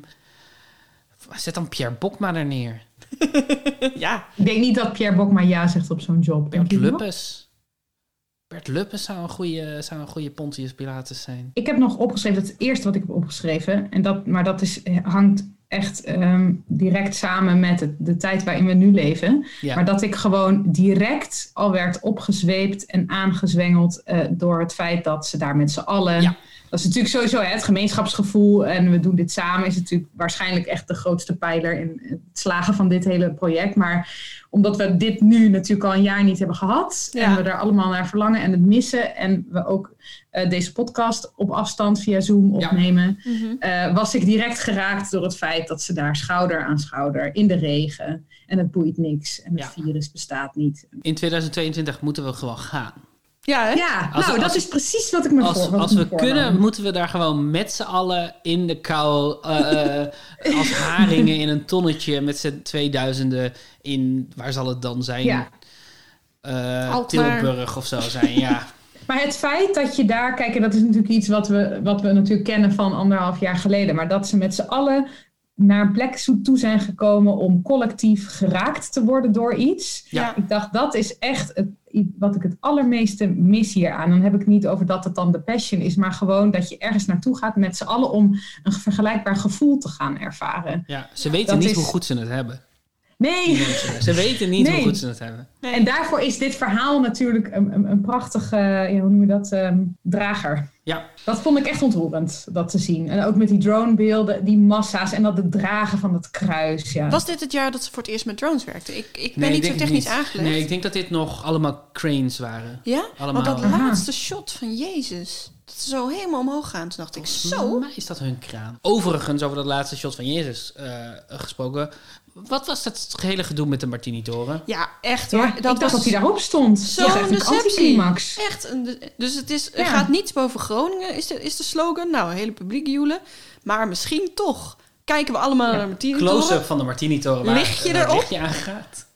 En dan staat Jezus te zingen te- op, het, op de vismarkt. Ik dacht Ja, oprecht het is een gemiste kans. dat er iets mis was gegaan. Ja. Dat hij soort van halverwege die trappen was. Dat hij, ik ga het niet redden. Ik ga het niet redden. Ik ga het niet redden. Ik ga, ik ga weer terug. Ik ga terug. Dit komt, dit- maar- maar dat is niet zo. Nee, want er staan allemaal niet. lampjes om hem heen. Ehm, eh, of dat het iets met het weer te maken had. Maar ik denk eigenlijk dat het een... Ik denk gewoon dat het een eh, bewuste ondermijning was... van wat ze de vorige keren hadden gedaan. In de eerste editie in Gouda en, ehm, stond hij bovenin de, de kerktoren, eh, Jezus. In de tweede editie stond hij bovenop de Erasmusbrug. En de derde editie stond hij op het water, dus dat telde niet. Maar Ja, een soort van, beneden, dat, ja. ze een soort voor, dat ze een extra plot twist erin hebben gezet. We kijken allemaal daar, maar Jezus is hier. En misschien is het ook wel, is, valt ook wel iets voor te zeggen dat het raar is dat hij... Tussen de mensen, Ja, hij dat is niet altijd verheven. hij, precies. is, ja. hij is teruggekomen. En Misschien was dit gewoon eens een terugkeer. Ja, maar dan hadden ze dat gewoon moeten doen en niet die Ja. plot twist erin moeten zetten dat we allemaal naar die toren zitten kijken. Dat ze dan een minder indrukwekkend einde hebben Ja. dan, je, dan had gehoopt. De prijsnummer is dan het nummer van Nick en Simon, eh, Kijk omhoog. Ja, dat is waar. Dat ook nog. Dus boven Everdoren zegt, en misschien moeten we wel allemaal naar boven kijken. Blub, blub, blub, blub, blub, blub. En dan, ga, en dan Kijk omhoog. Kijk omhoog, maar is is, daar niks. Is niks. En dan staat hij allemaal handjes te geven, Jezus, tussen de mensen die allemaal met hun telefoon staan te filmen. En dat resulteert er ook in dat hij eigenlijk een beetje vergeet te zingen. Maar Ja. gelukkig is daar een Ja. heel goed koor, wat Ja. dat allemaal oplost. Maar dat is ook weer dat ik denk... Ik dacht, er is iets met zijn, met zijn microfoon. Of hij, daar- en Volgens toen dacht ik, oh, hij gaat zo meteen een slotakkoord doen. En dat gaat allemaal mis. Want dat, zijn microfoon staat niet meer aan. Maar Nee, goed. Zijn microfoon stond wel aan. Ja. Je, je hoorde gewoon Ja. dat hij soms een halve zin wel deed en dan weer niet. Dat Ja, is- dat is ik ook vond dat volgens mij ook niet erg trouwens hoor. Want ik dacht, ja, hij is nu eventjes hè, met zijn fans bezig. Ja, precies. Laat hem man. Ik wilde als laatste nog iets zeggen over het, eh, de herschrijving van het lied Zing, Vecht, Huil, Bid, Lach, Werk Ah. en Bewonder. En ik denk dat we gewoon even naar een stukje moeten luisteren. Voor degene met een dichtgeslagen boek. Voor degene met een snel vergeten naam. Voor degene met het vruchteloze zoeken. Moet nu weten, we zijn allemaal samen.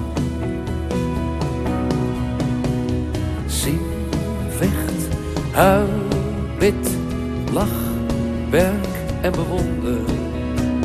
Zing, vecht, huil, bid, lach, werk en bewonder.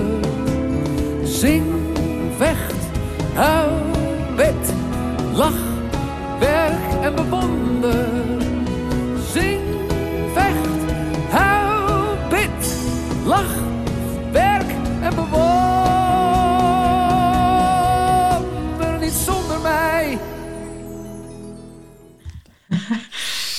Oeh, Daan kijkt Ai. heel vies. Is er iets minder christelijk dan het herschrijven van de tekst niet zonder ons Ja. naar niet zonder mij? Ja. Waarom? We zijn allemaal samen, zingt hij aan het begin van dit lied. En, uit- en op een gegeven moment beslist Jezus, van alle mensen, Jezus beslist om een lied meer over zichzelf te laten gaan dan het origineel. Ja. Ja. Holy Ja, wij hebben echt- dit gedaan. Waarom hebben ze dit gedaan? Wij hebben echt hardop zitten lachen om dit, omdat het zo pijnlijk Ik heb is. hardop zitten huilen om hoe ze dit hebben. Het is zo slecht. Echt disqualif... Zeg maar, ik vind sowieso niet dat ze die... de- daar hebben we het al eerder over gehad. Ik vind niet dat ze die, die, die teksten moeten aanpassen. Nee. Maar, maar van alle dingen, dit, dit is echt... En ook, ik bedoel, hij staat daar met zijn, met zijn discipelen. Dus niet zonder ons zou ook, weet je wel, bid niet zonder Petrus is ook een hele mooie boodschap. Dus het is ook niet alsof het fout is als hij zou zeggen niet zonder ons. En het valt ook zo op, ten eerste omdat we allemaal het nummer kennen. Ja. Maar ook omdat ons klankrijm heeft met, met bewonder. Ja. Waardoor je, dat klinkt dat, dat rondaf. Maar dit is een soort van mij, mij. Ja. Het- hij- oh. En hij moet het ook op, aan het eind, dat hebben we nu niet laten horen, maar hij moet het vier- veertien keer zingen achter elkaar. Ja. Niet zonder mij, niet zonder mij, niet Jezus, Jezus. Doe even rustig. Ja, ja het is echt... Het krijgt ook een soort, ehm, omdat hij tijdens dat hij dit zingt aan, eh, aan iedereen een stukje brood uitdeelt. Ja. Uh-huh. Het krijgt ook iets, ja, iets totaal eh zelfingenomen, zeg maar. Ja, ja, want dit was dus het eerste moment. Jamai staat hier, Judas staat hier tegen een bo- boom aan te leunen. Ja.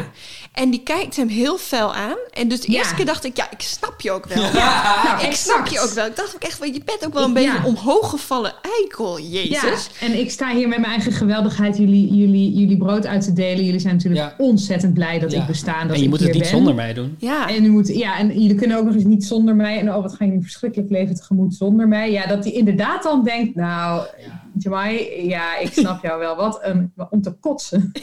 Absoluut. Eh, ga je hem nog eens kijken?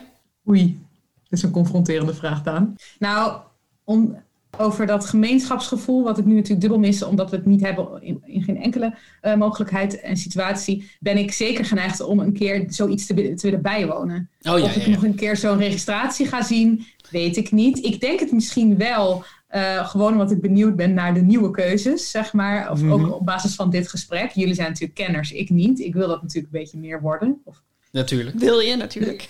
de, de, de deur staat open. Ik, dat, daar hou ik het bij, denk ik. De deur staat open. Dankjewel voor het luisteren naar Passion Binge en alle leuke reacties die we tot nu toe hebben gekregen op de afleveringen. Daan en ik maken ook Puzzle Brunch, een podcast waarin we elkaar opvrolijken met puzzels, quizjes en raadsels. Iduna Pauwmans bundel heet De Grom uit de Hond halen. Koop die nu meteen bij je lokale boekhandel.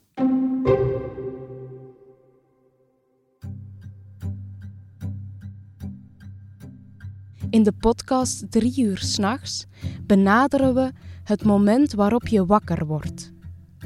Je bent alleen. Alles ligt nog stil. Je ademhaling gaat op en neer, net zoals je gedachten. Het lijkt wel of weerwolven en diepe vertwijfeling gelijk staan aan elkaar. Je bent helemaal bloot. Je bent hier. In drie uur s'nachts hebben we het over deze angsten. Twijfels, zorgen, taboes, precies dat piekeren. In de eerste editie maken we vijf afleveringen over de leugens die we vertellen. Tegen onze geliefde, dat ik het niet zo heel problematisch vind dat je ook sommige dingen niet zegt. onze kinderen, Ja, je moet altijd eerlijk zijn. Ik wil niet dat je tegen me liegt. En ondertussen heb jij in je achterhoofd een stemmetje van... Ik lieg voortdurend tegen jullie. onze vrienden, onze artsen, Als ik niet kan lopen en iemand zegt er is niks aan de hand, dan is mijn constatering, zij denkt dat ik lieg. En onszelf. Dit alles muzikaal ondersteund door Axel Lukien en geïnitieerd door Watershed.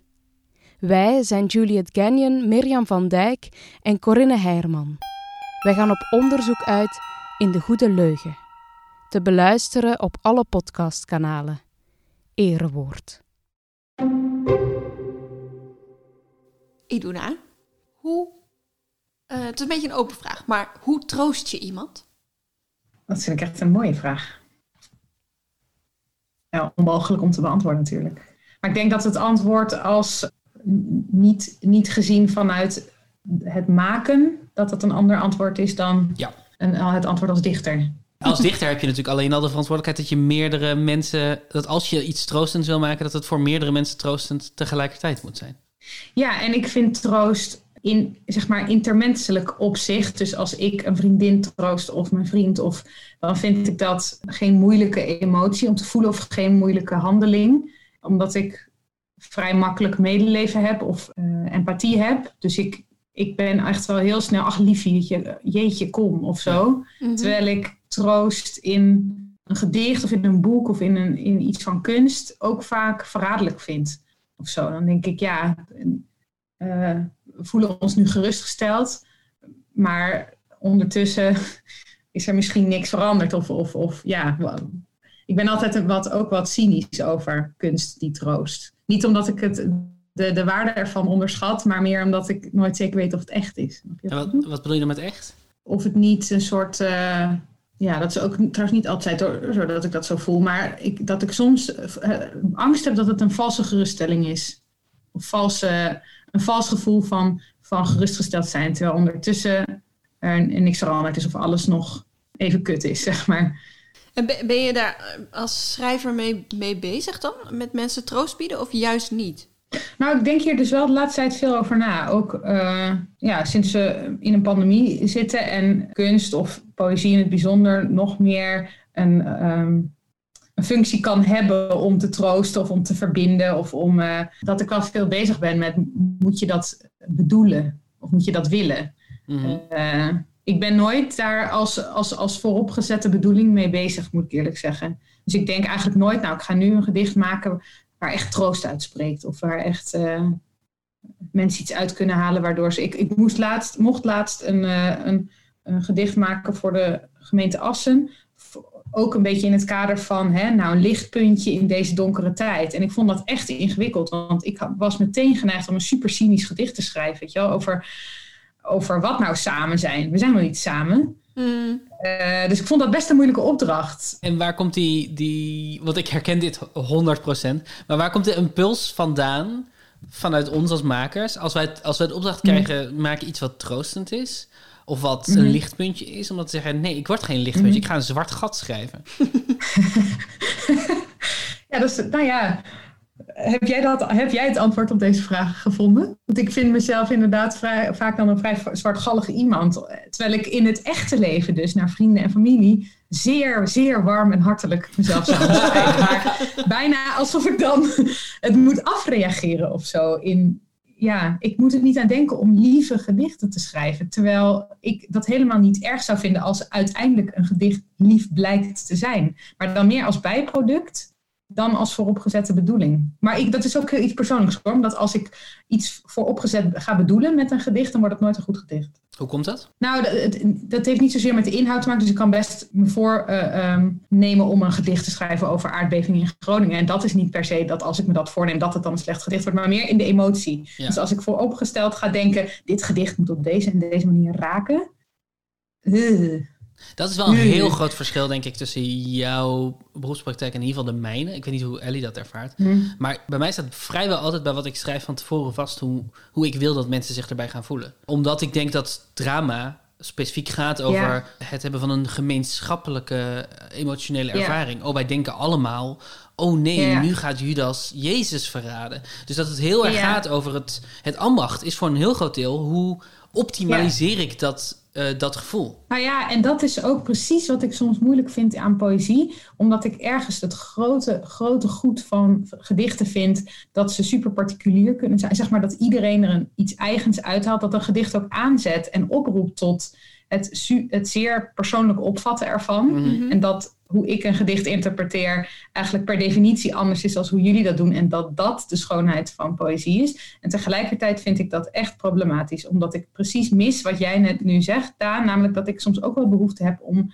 nou, te weten hoe iets over... Zeg maar, en ook omdat het ons wel gevraagd wordt van nou, hè, een po- gedicht troostrijk. Ja. Terwijl ik dus daar dus direct mijn nekharen van overeind. Terwijl ik het helemaal niet erg vind om iets te schrijven wat troostrijk is. Sterker nog, ik zou dat heel graag willen doen. Alleen ik voel dat dat bij poëzie, ik vind dat vaak problematisch. Eh, Zou je dit, de- dezezelfde nekharen eh, neiging ook hebben als de opdracht is... schrijf iets cynisch?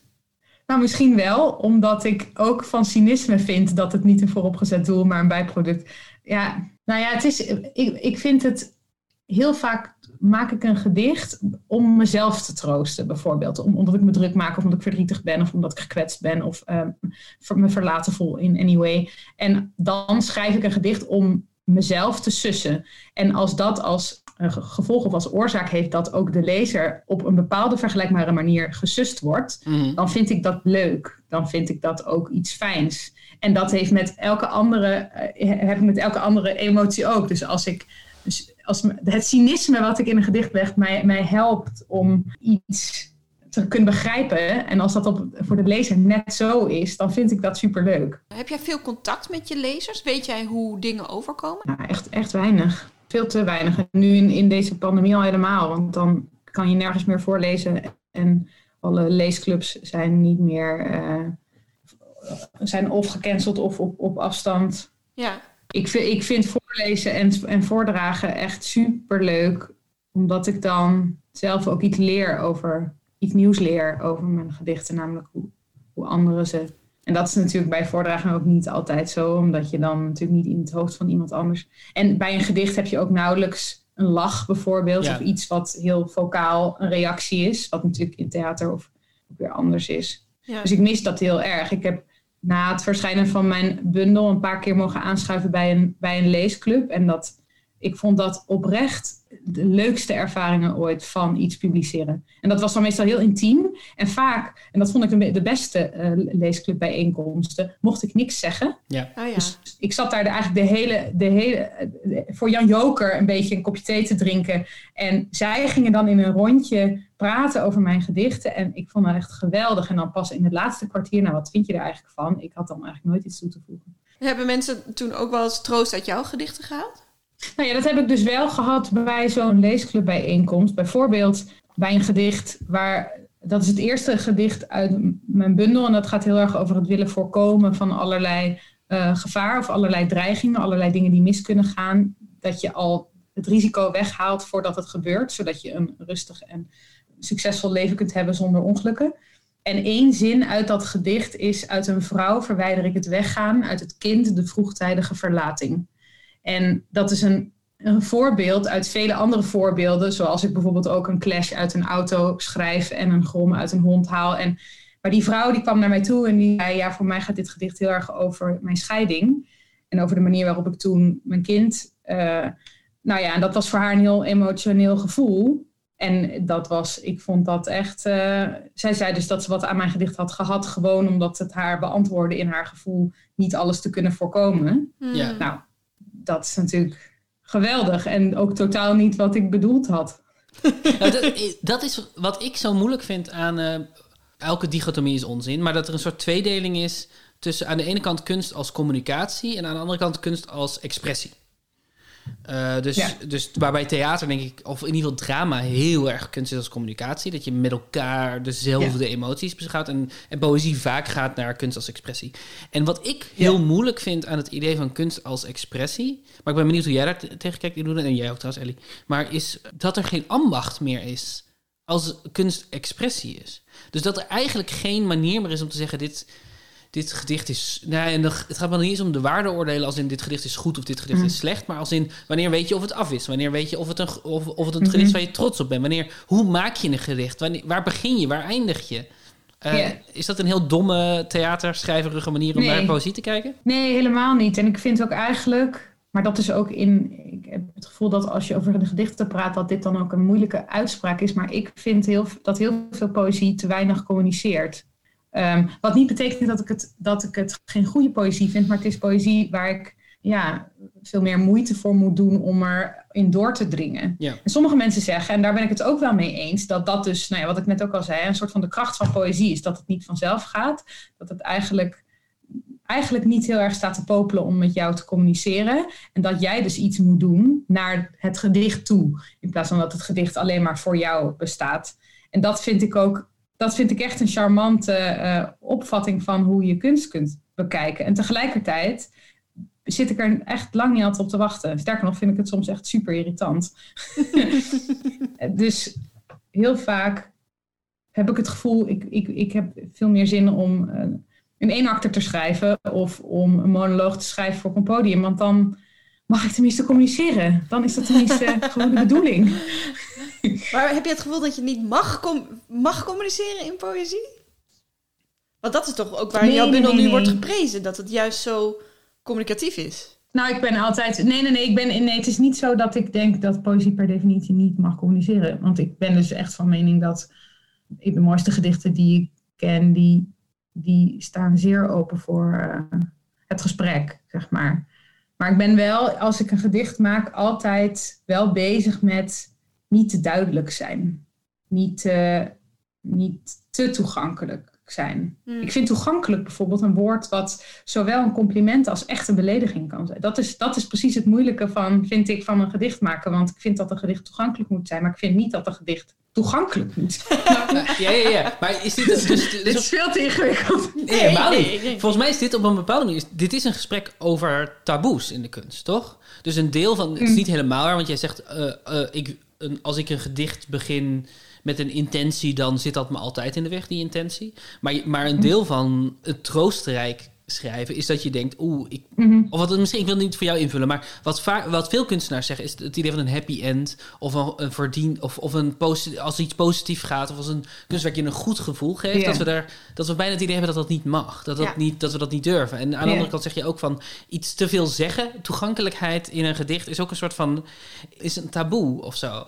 En op een bepaalde manier heb ik het idee dat de passion bijna het het, het, een soort van het angstvoorbeeld is van wat iedereen in zijn hoofd heeft als ze denken over toegankelijkheid of over communicerende kunst of als het gaat over troostrijkende kunst. Ja. Ik vind dus dat ze bij de Passion weer een beetje doorslaan in het idee dat alles een happy end moet hebben. Want dit is een heel triest verhaal. En het eindigt toch altijd wel een beetje met een juichende massa die staat te zingen over hoe blij we zijn dat Jezus dood is. Dus die gaan juist heel erg de zwaarte en, en het niet happy enderige uit de weg. Terwijl ik daarmee vind dat ze het verhaal niet meer communiceren. Ik denk eigenlijk dat, ik, dat de vraag voor mij telkens is niet of, of een happy end geoorloofd is, hè, of, of dat een, een cliché geoorloofd is bijvoorbeeld. Want dat is natuurlijk ook telkens een Ja. vraag. Mag ik nu dit zeggen? Want het is eigenlijk cliché. Maar dat, dat het telkens eigenlijk een soort zoektocht is naar, naar een soort totale oprechtheid. En dat vind ik lastig, want soms is, een, is oprechtheid een cliché of een happy ending of een traan. Of, of een... Ja. En dan moet je dus ook de taboes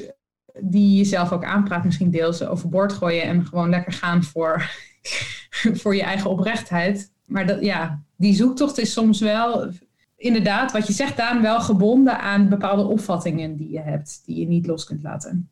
Ja, ik, ik vertrek eigenlijk zo vaak vanuit herkenning. En als ik inderdaad dan teruggeworpen kreeg, iemand, iemand zegt dit is cliché, dan denk ik ja, ja, natuurlijk is het cliché. Dit doen we de hele tijd, dit is, dit is herkenbaar. En, in, en ik vind in soort van de mens in zijn totaliteit proberen te laten zien, of een stukje in zijn totaliteit proberen te laten zien, ben ik eigenlijk vooral bezig met dat te communiceren. Dus ik heb wel het idee dat, dat mijn, mijn stukken heel communicatief zijn, maar ik ben iets minder bezig met communiceren. Je moet deze persoon, dit is je hoofdfiguur of zo, die moet je volgen.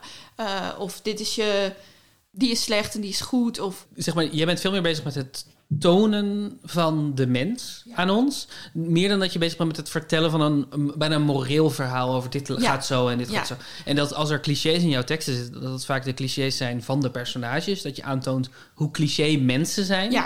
En hoe ze cliché eh, gebruiken en handhaven. Meer dan dat jij als verteller clichématige ver- verhaalstappen ver- gebruikt. Ja. Ik, denk dat, ik denk dat wat Iduna zegt heel erg klopt. Dat het uiteindelijk een zoektocht is naar oprechtheid. Dus dat elk cliché, hoe het ook ingezet is, prima is als het onderdeel is van het verhaal wat je wil vertellen. En als het verhaal wat je wil vertellen, of hetgene wat je wil vertellen, als dat gemeend is, als je Mhm. dat echt wil vertellen. Ja. Eh, en ik denk dat waarom wij zo wantrouwig zijn naar happy ends of naar troost in kunst, is dat zoveel eh, troost in kunst ehm, troostend is omdat het geld oplevert, maar niet omdat de makers geloven wat ze vertellen. Dat zou goed kunnen. Nee, ik ben, ik ben het met je eens. Ik denk inderdaad, bijvoorbeeld zo'n zinnetje als alles komt goed. Ja. Fucking cliché. Maar op heel veel Ja. momenten kan dat mij dat gewoon nog aan het huilen brengen hoor.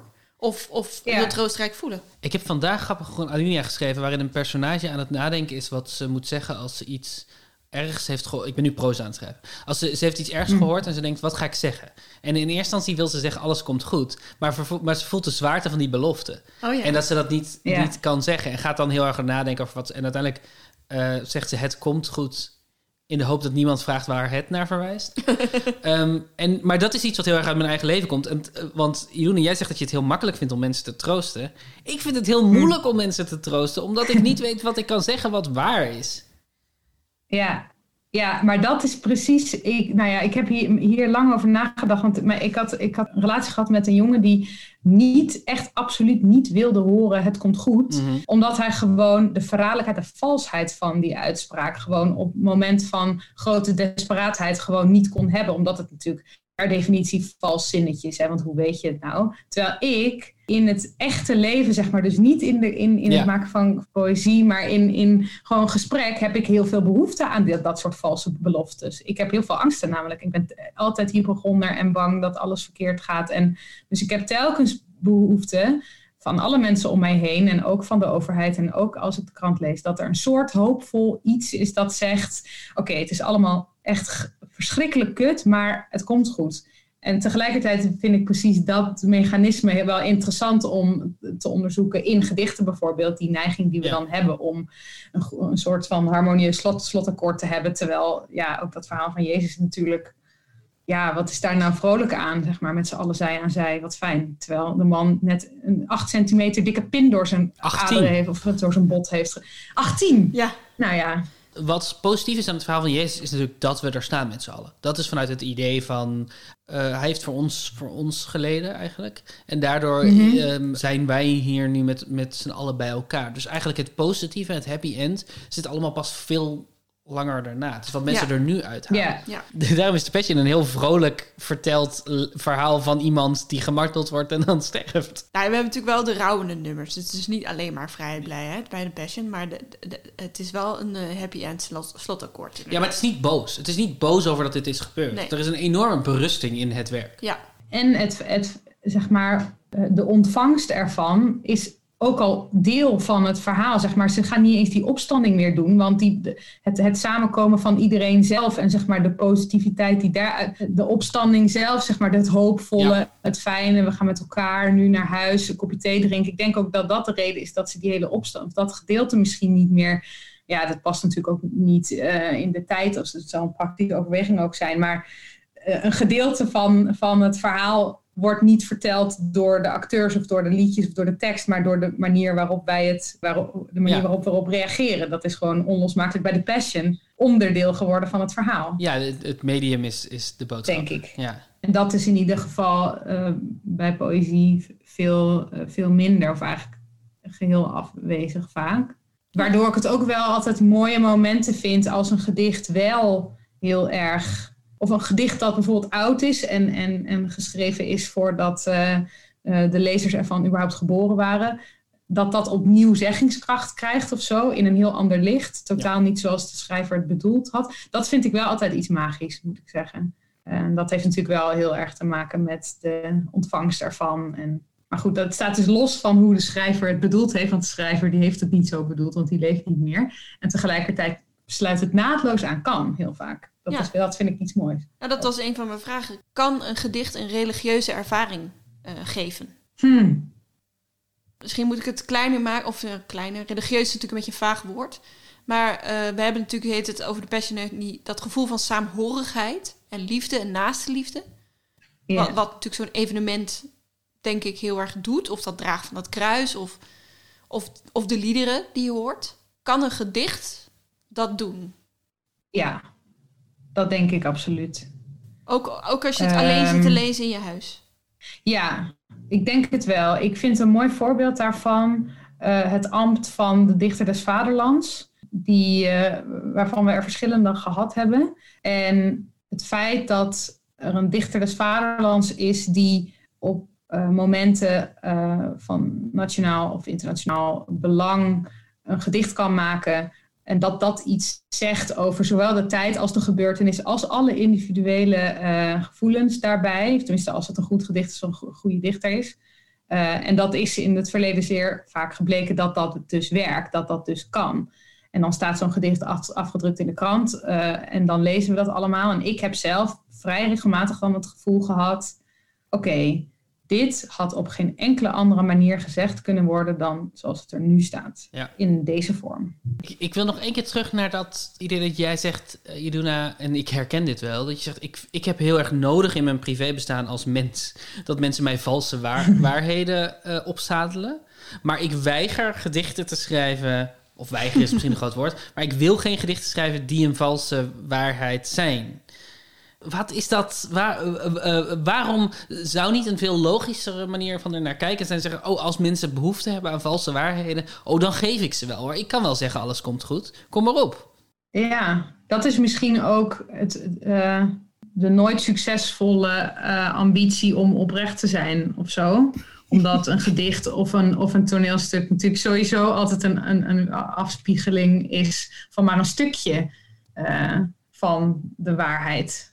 Je kunt nooit een toneelstuk schrijven over alles. Je kunt nee. nooit een, een, bundel maken over wat alles.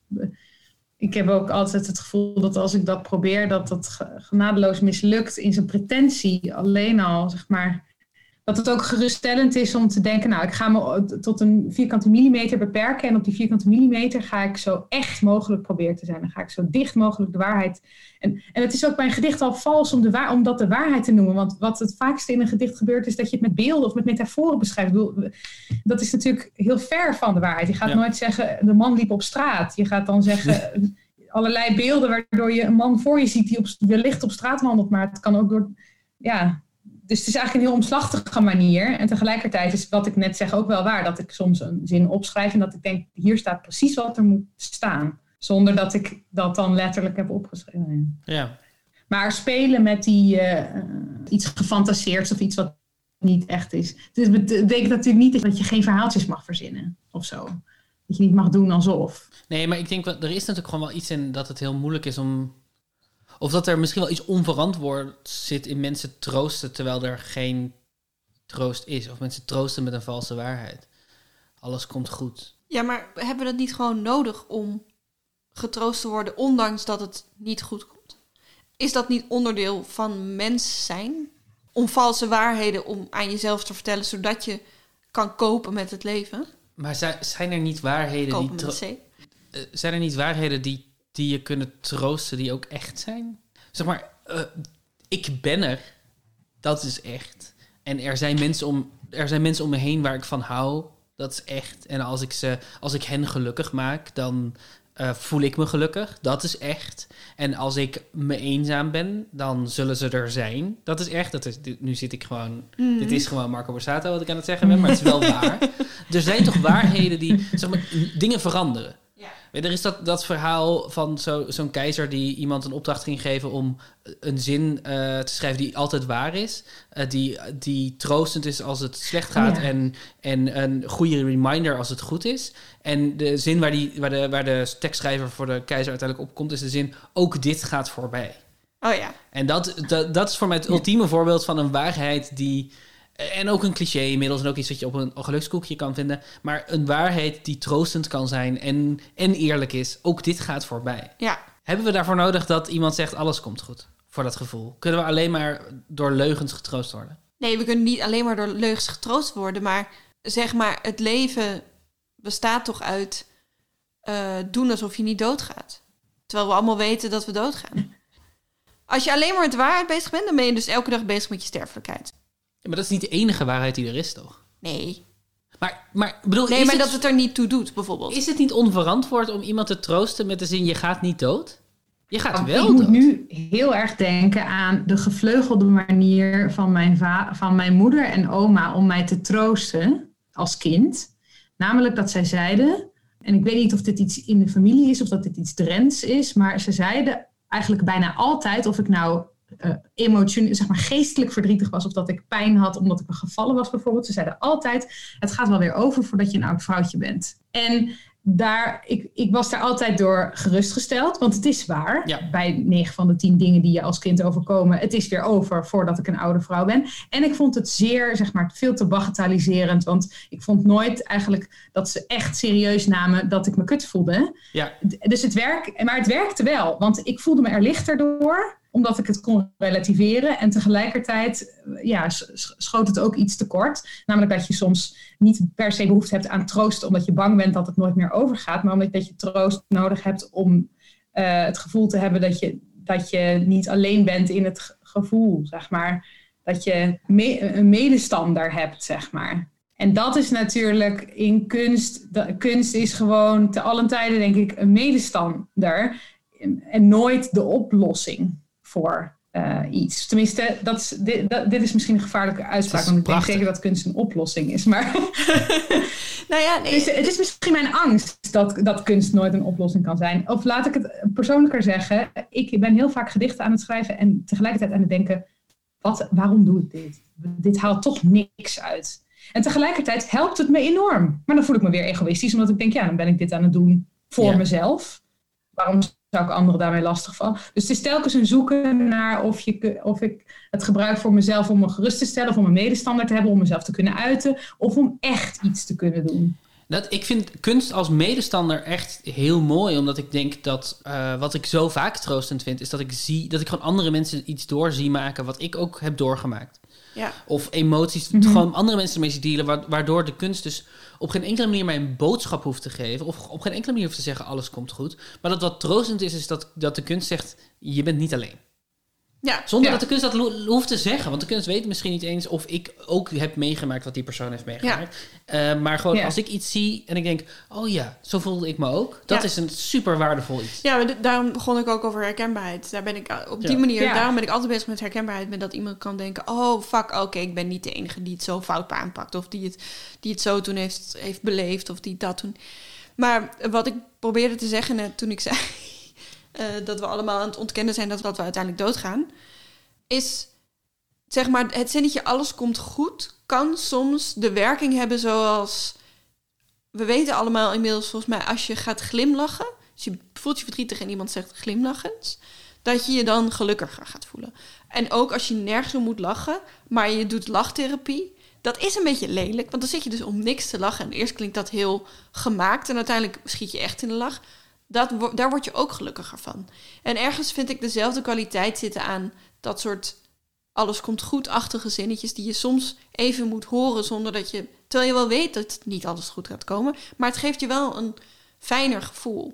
Maar misschien zijn die eh, eh, de kunstwerken die ons vertellen, je bent niet alleen, of inderdaad het echt met elkaar zijn en je niet alleen voelen, even los van kunst. Zijn dat wel oprechtere manieren om je gelukkiger te voelen? Dan naar lachtherapie gaan of horen, alles komt goed. Maar ik vind wel dat het er mag zijn soms. Als je even niet meer weet hoe je het anders moet zeggen. Mhm. Ik denk ook eigenlijk het feit dat kunst een medestander kan zijn in je eigen gevoelens of in je eigen lijden, het niet per se uitsluit dat kunst ook een manier kan zijn om juist aan jezelf te ontsnappen. Mhm. Ehm, en dat dat precies is waarom ik eh, nooit zou willen ophouden met, dit, met maken of met erover praten. Of, omdat, dat, omdat dat voor mij op geen enkele andere manier of in e- geen enkele andere omstandigheid kan dan tijdens het ervaren van eh, kunst. Namelijk dat ik me totaal begrepen kan voelen en tegelijkertijd dat ik echt weg kan zijn bij mezelf. op de een of andere manier bevrijd even kan zijn van mezelf. Wat een antwoord is misschien op de vraag, wat voeg ik nou toe aan deze wereld? Je hoeft dan dus misschien ook even niks toe te voegen, omdat je al nou, iets van iemand anders aan het mee ervaren bent of iets aan het maken bent wat, nou ja, het is een soort tegenstelling, maar, maar het, het kan dus heel erg tegelijk, dat vind ik de kracht er vaak aan of zo. Ja. ja, ik moet zeggen dat ik heel lang eh, sceptisch ben geweest over de ontsnappende of escapistische kant van kunst. Omdat ik het onverantwoord vond op de een of andere manier om, jeze- om, om jezelf mee te laten slepen. Ik bedoel, ik deed het wel als, als kijker, maar ik vond het onverantwoord Mhm. als maker om, om mensen een troostwereld voor te schotelen. Of iets wat, iets wat niks met hun eigen wereld te maken heeft. Of oh, nu kan je je even, nu kan je je even een, een coole actieheld voelen of wat dan ook. Mhm. En dat, dat het afgelopen jaar voor mij absoluut de waarde van escapistische kunst eh, heeft, opnieuw heeft benadrukt. Ja. Absoluut het gevoel eh, me duidelijk heeft gemaakt dat het soms dat het soms niet nodig is om de mensen meer met hun neus op de waarheid of op de wereld te drukken. En dat je het mensen soms ook even, even los mag laten. In het begin van de pandemie gingen heel veel kunstenaars inderdaad zeggen... oh, we zijn dus niet essentieel en kregen daardoor een beetje een crisis. Eh, want we zijn geen essentiële vakgroep of zo. Mhm. En tegelijkertijd ging iedereen naast het nieuws extreem veel kunst consumeren. Meer lezen, meer series kijken. Om maar weg te vluchten van die verschrikkelijke pandemie en al dat nieuws. En daarin was Ja. een soort van tegelijkertijd heel erg de waarde van kunst he- helder. Namelijk, soms moeten we gewoon afleiding. Moeten we kunnen verdwijnen in een wereld die niet ons is. En tegelijkertijd werden, waren we ook, en dat vind ik ook logisch, een niet-essentiële beroepstak of zo. We kunnen even op pauze gezet worden, want er is zoveel. Mhm. Maar we zijn wel degelijk essentieel. Ja, essentieel betekent ook gewoon 24 dingen. Ik bedoel, essentieel betekent... Is, zeg maar, je mag niet vliegen tenzij je werk grote economische waarde heeft. Ja. Eh, dat is ook een vorm van essentieel. Ja, essentieel betekent in zoveel contexten wel iets anders. En dat kunst, dat kunst in zijn totaliteit essentieel is, dat staat denk ik buiten kijf. Ja. De vraag is, zijn, zijn wij essentieel? zijn wij essentieel, Iduna? Ehm, voor onszelf sowieso. dus dat is, dat is eh, misschien een eh, schaamtevol antwoord. Nou ja, ik ben wel, ook sinds de pandemie denk ik, ervan overtuigd geraakt dat je in eerste instantie ook, ook voor jezelf zelf moet kunnen zijn. Omdat, je, omdat we vooral met onszelf zijn. Ook omdat er een heleboel escapisme eh, niet mogelijk is. We kunnen niet naar de kroeg, we kunnen niet in de nacht helemaal uit ons dak gaan. Eh, ik voel me veel meer geconfronteerd met, met mezelf. Ja. Dus ik, ik sta mezelf nu ook maar vaker en meer toe om nou, bijvoorbeeld gedichten te schrijven die mijzelf troosten of geruststellen. Dan zijn dat ook heel vaak dingen die ik totaal niet publiceerbaar vind. Maar meer, ik, wat dat betreft heb ik mijn drempels wat, wat verlaagd. Ehm, ik kijk ook veel meer slechte series en ik schaam me er minder voor. Eh, ik lees wel veel, maar ik lees ook dingen die ik die bijvoorbeeld niet helemaal de literaire standaards bereiken of zo. En daarom vind ik het kijken van zo'n editie van The Passion echt iets leerzaams en ook iets fijns, omdat ik er oprecht door geïrriteerd en oprecht door ontroerd ben. En dat iets, ook iets zegt over mijn huidige staat van zijn, denk ik.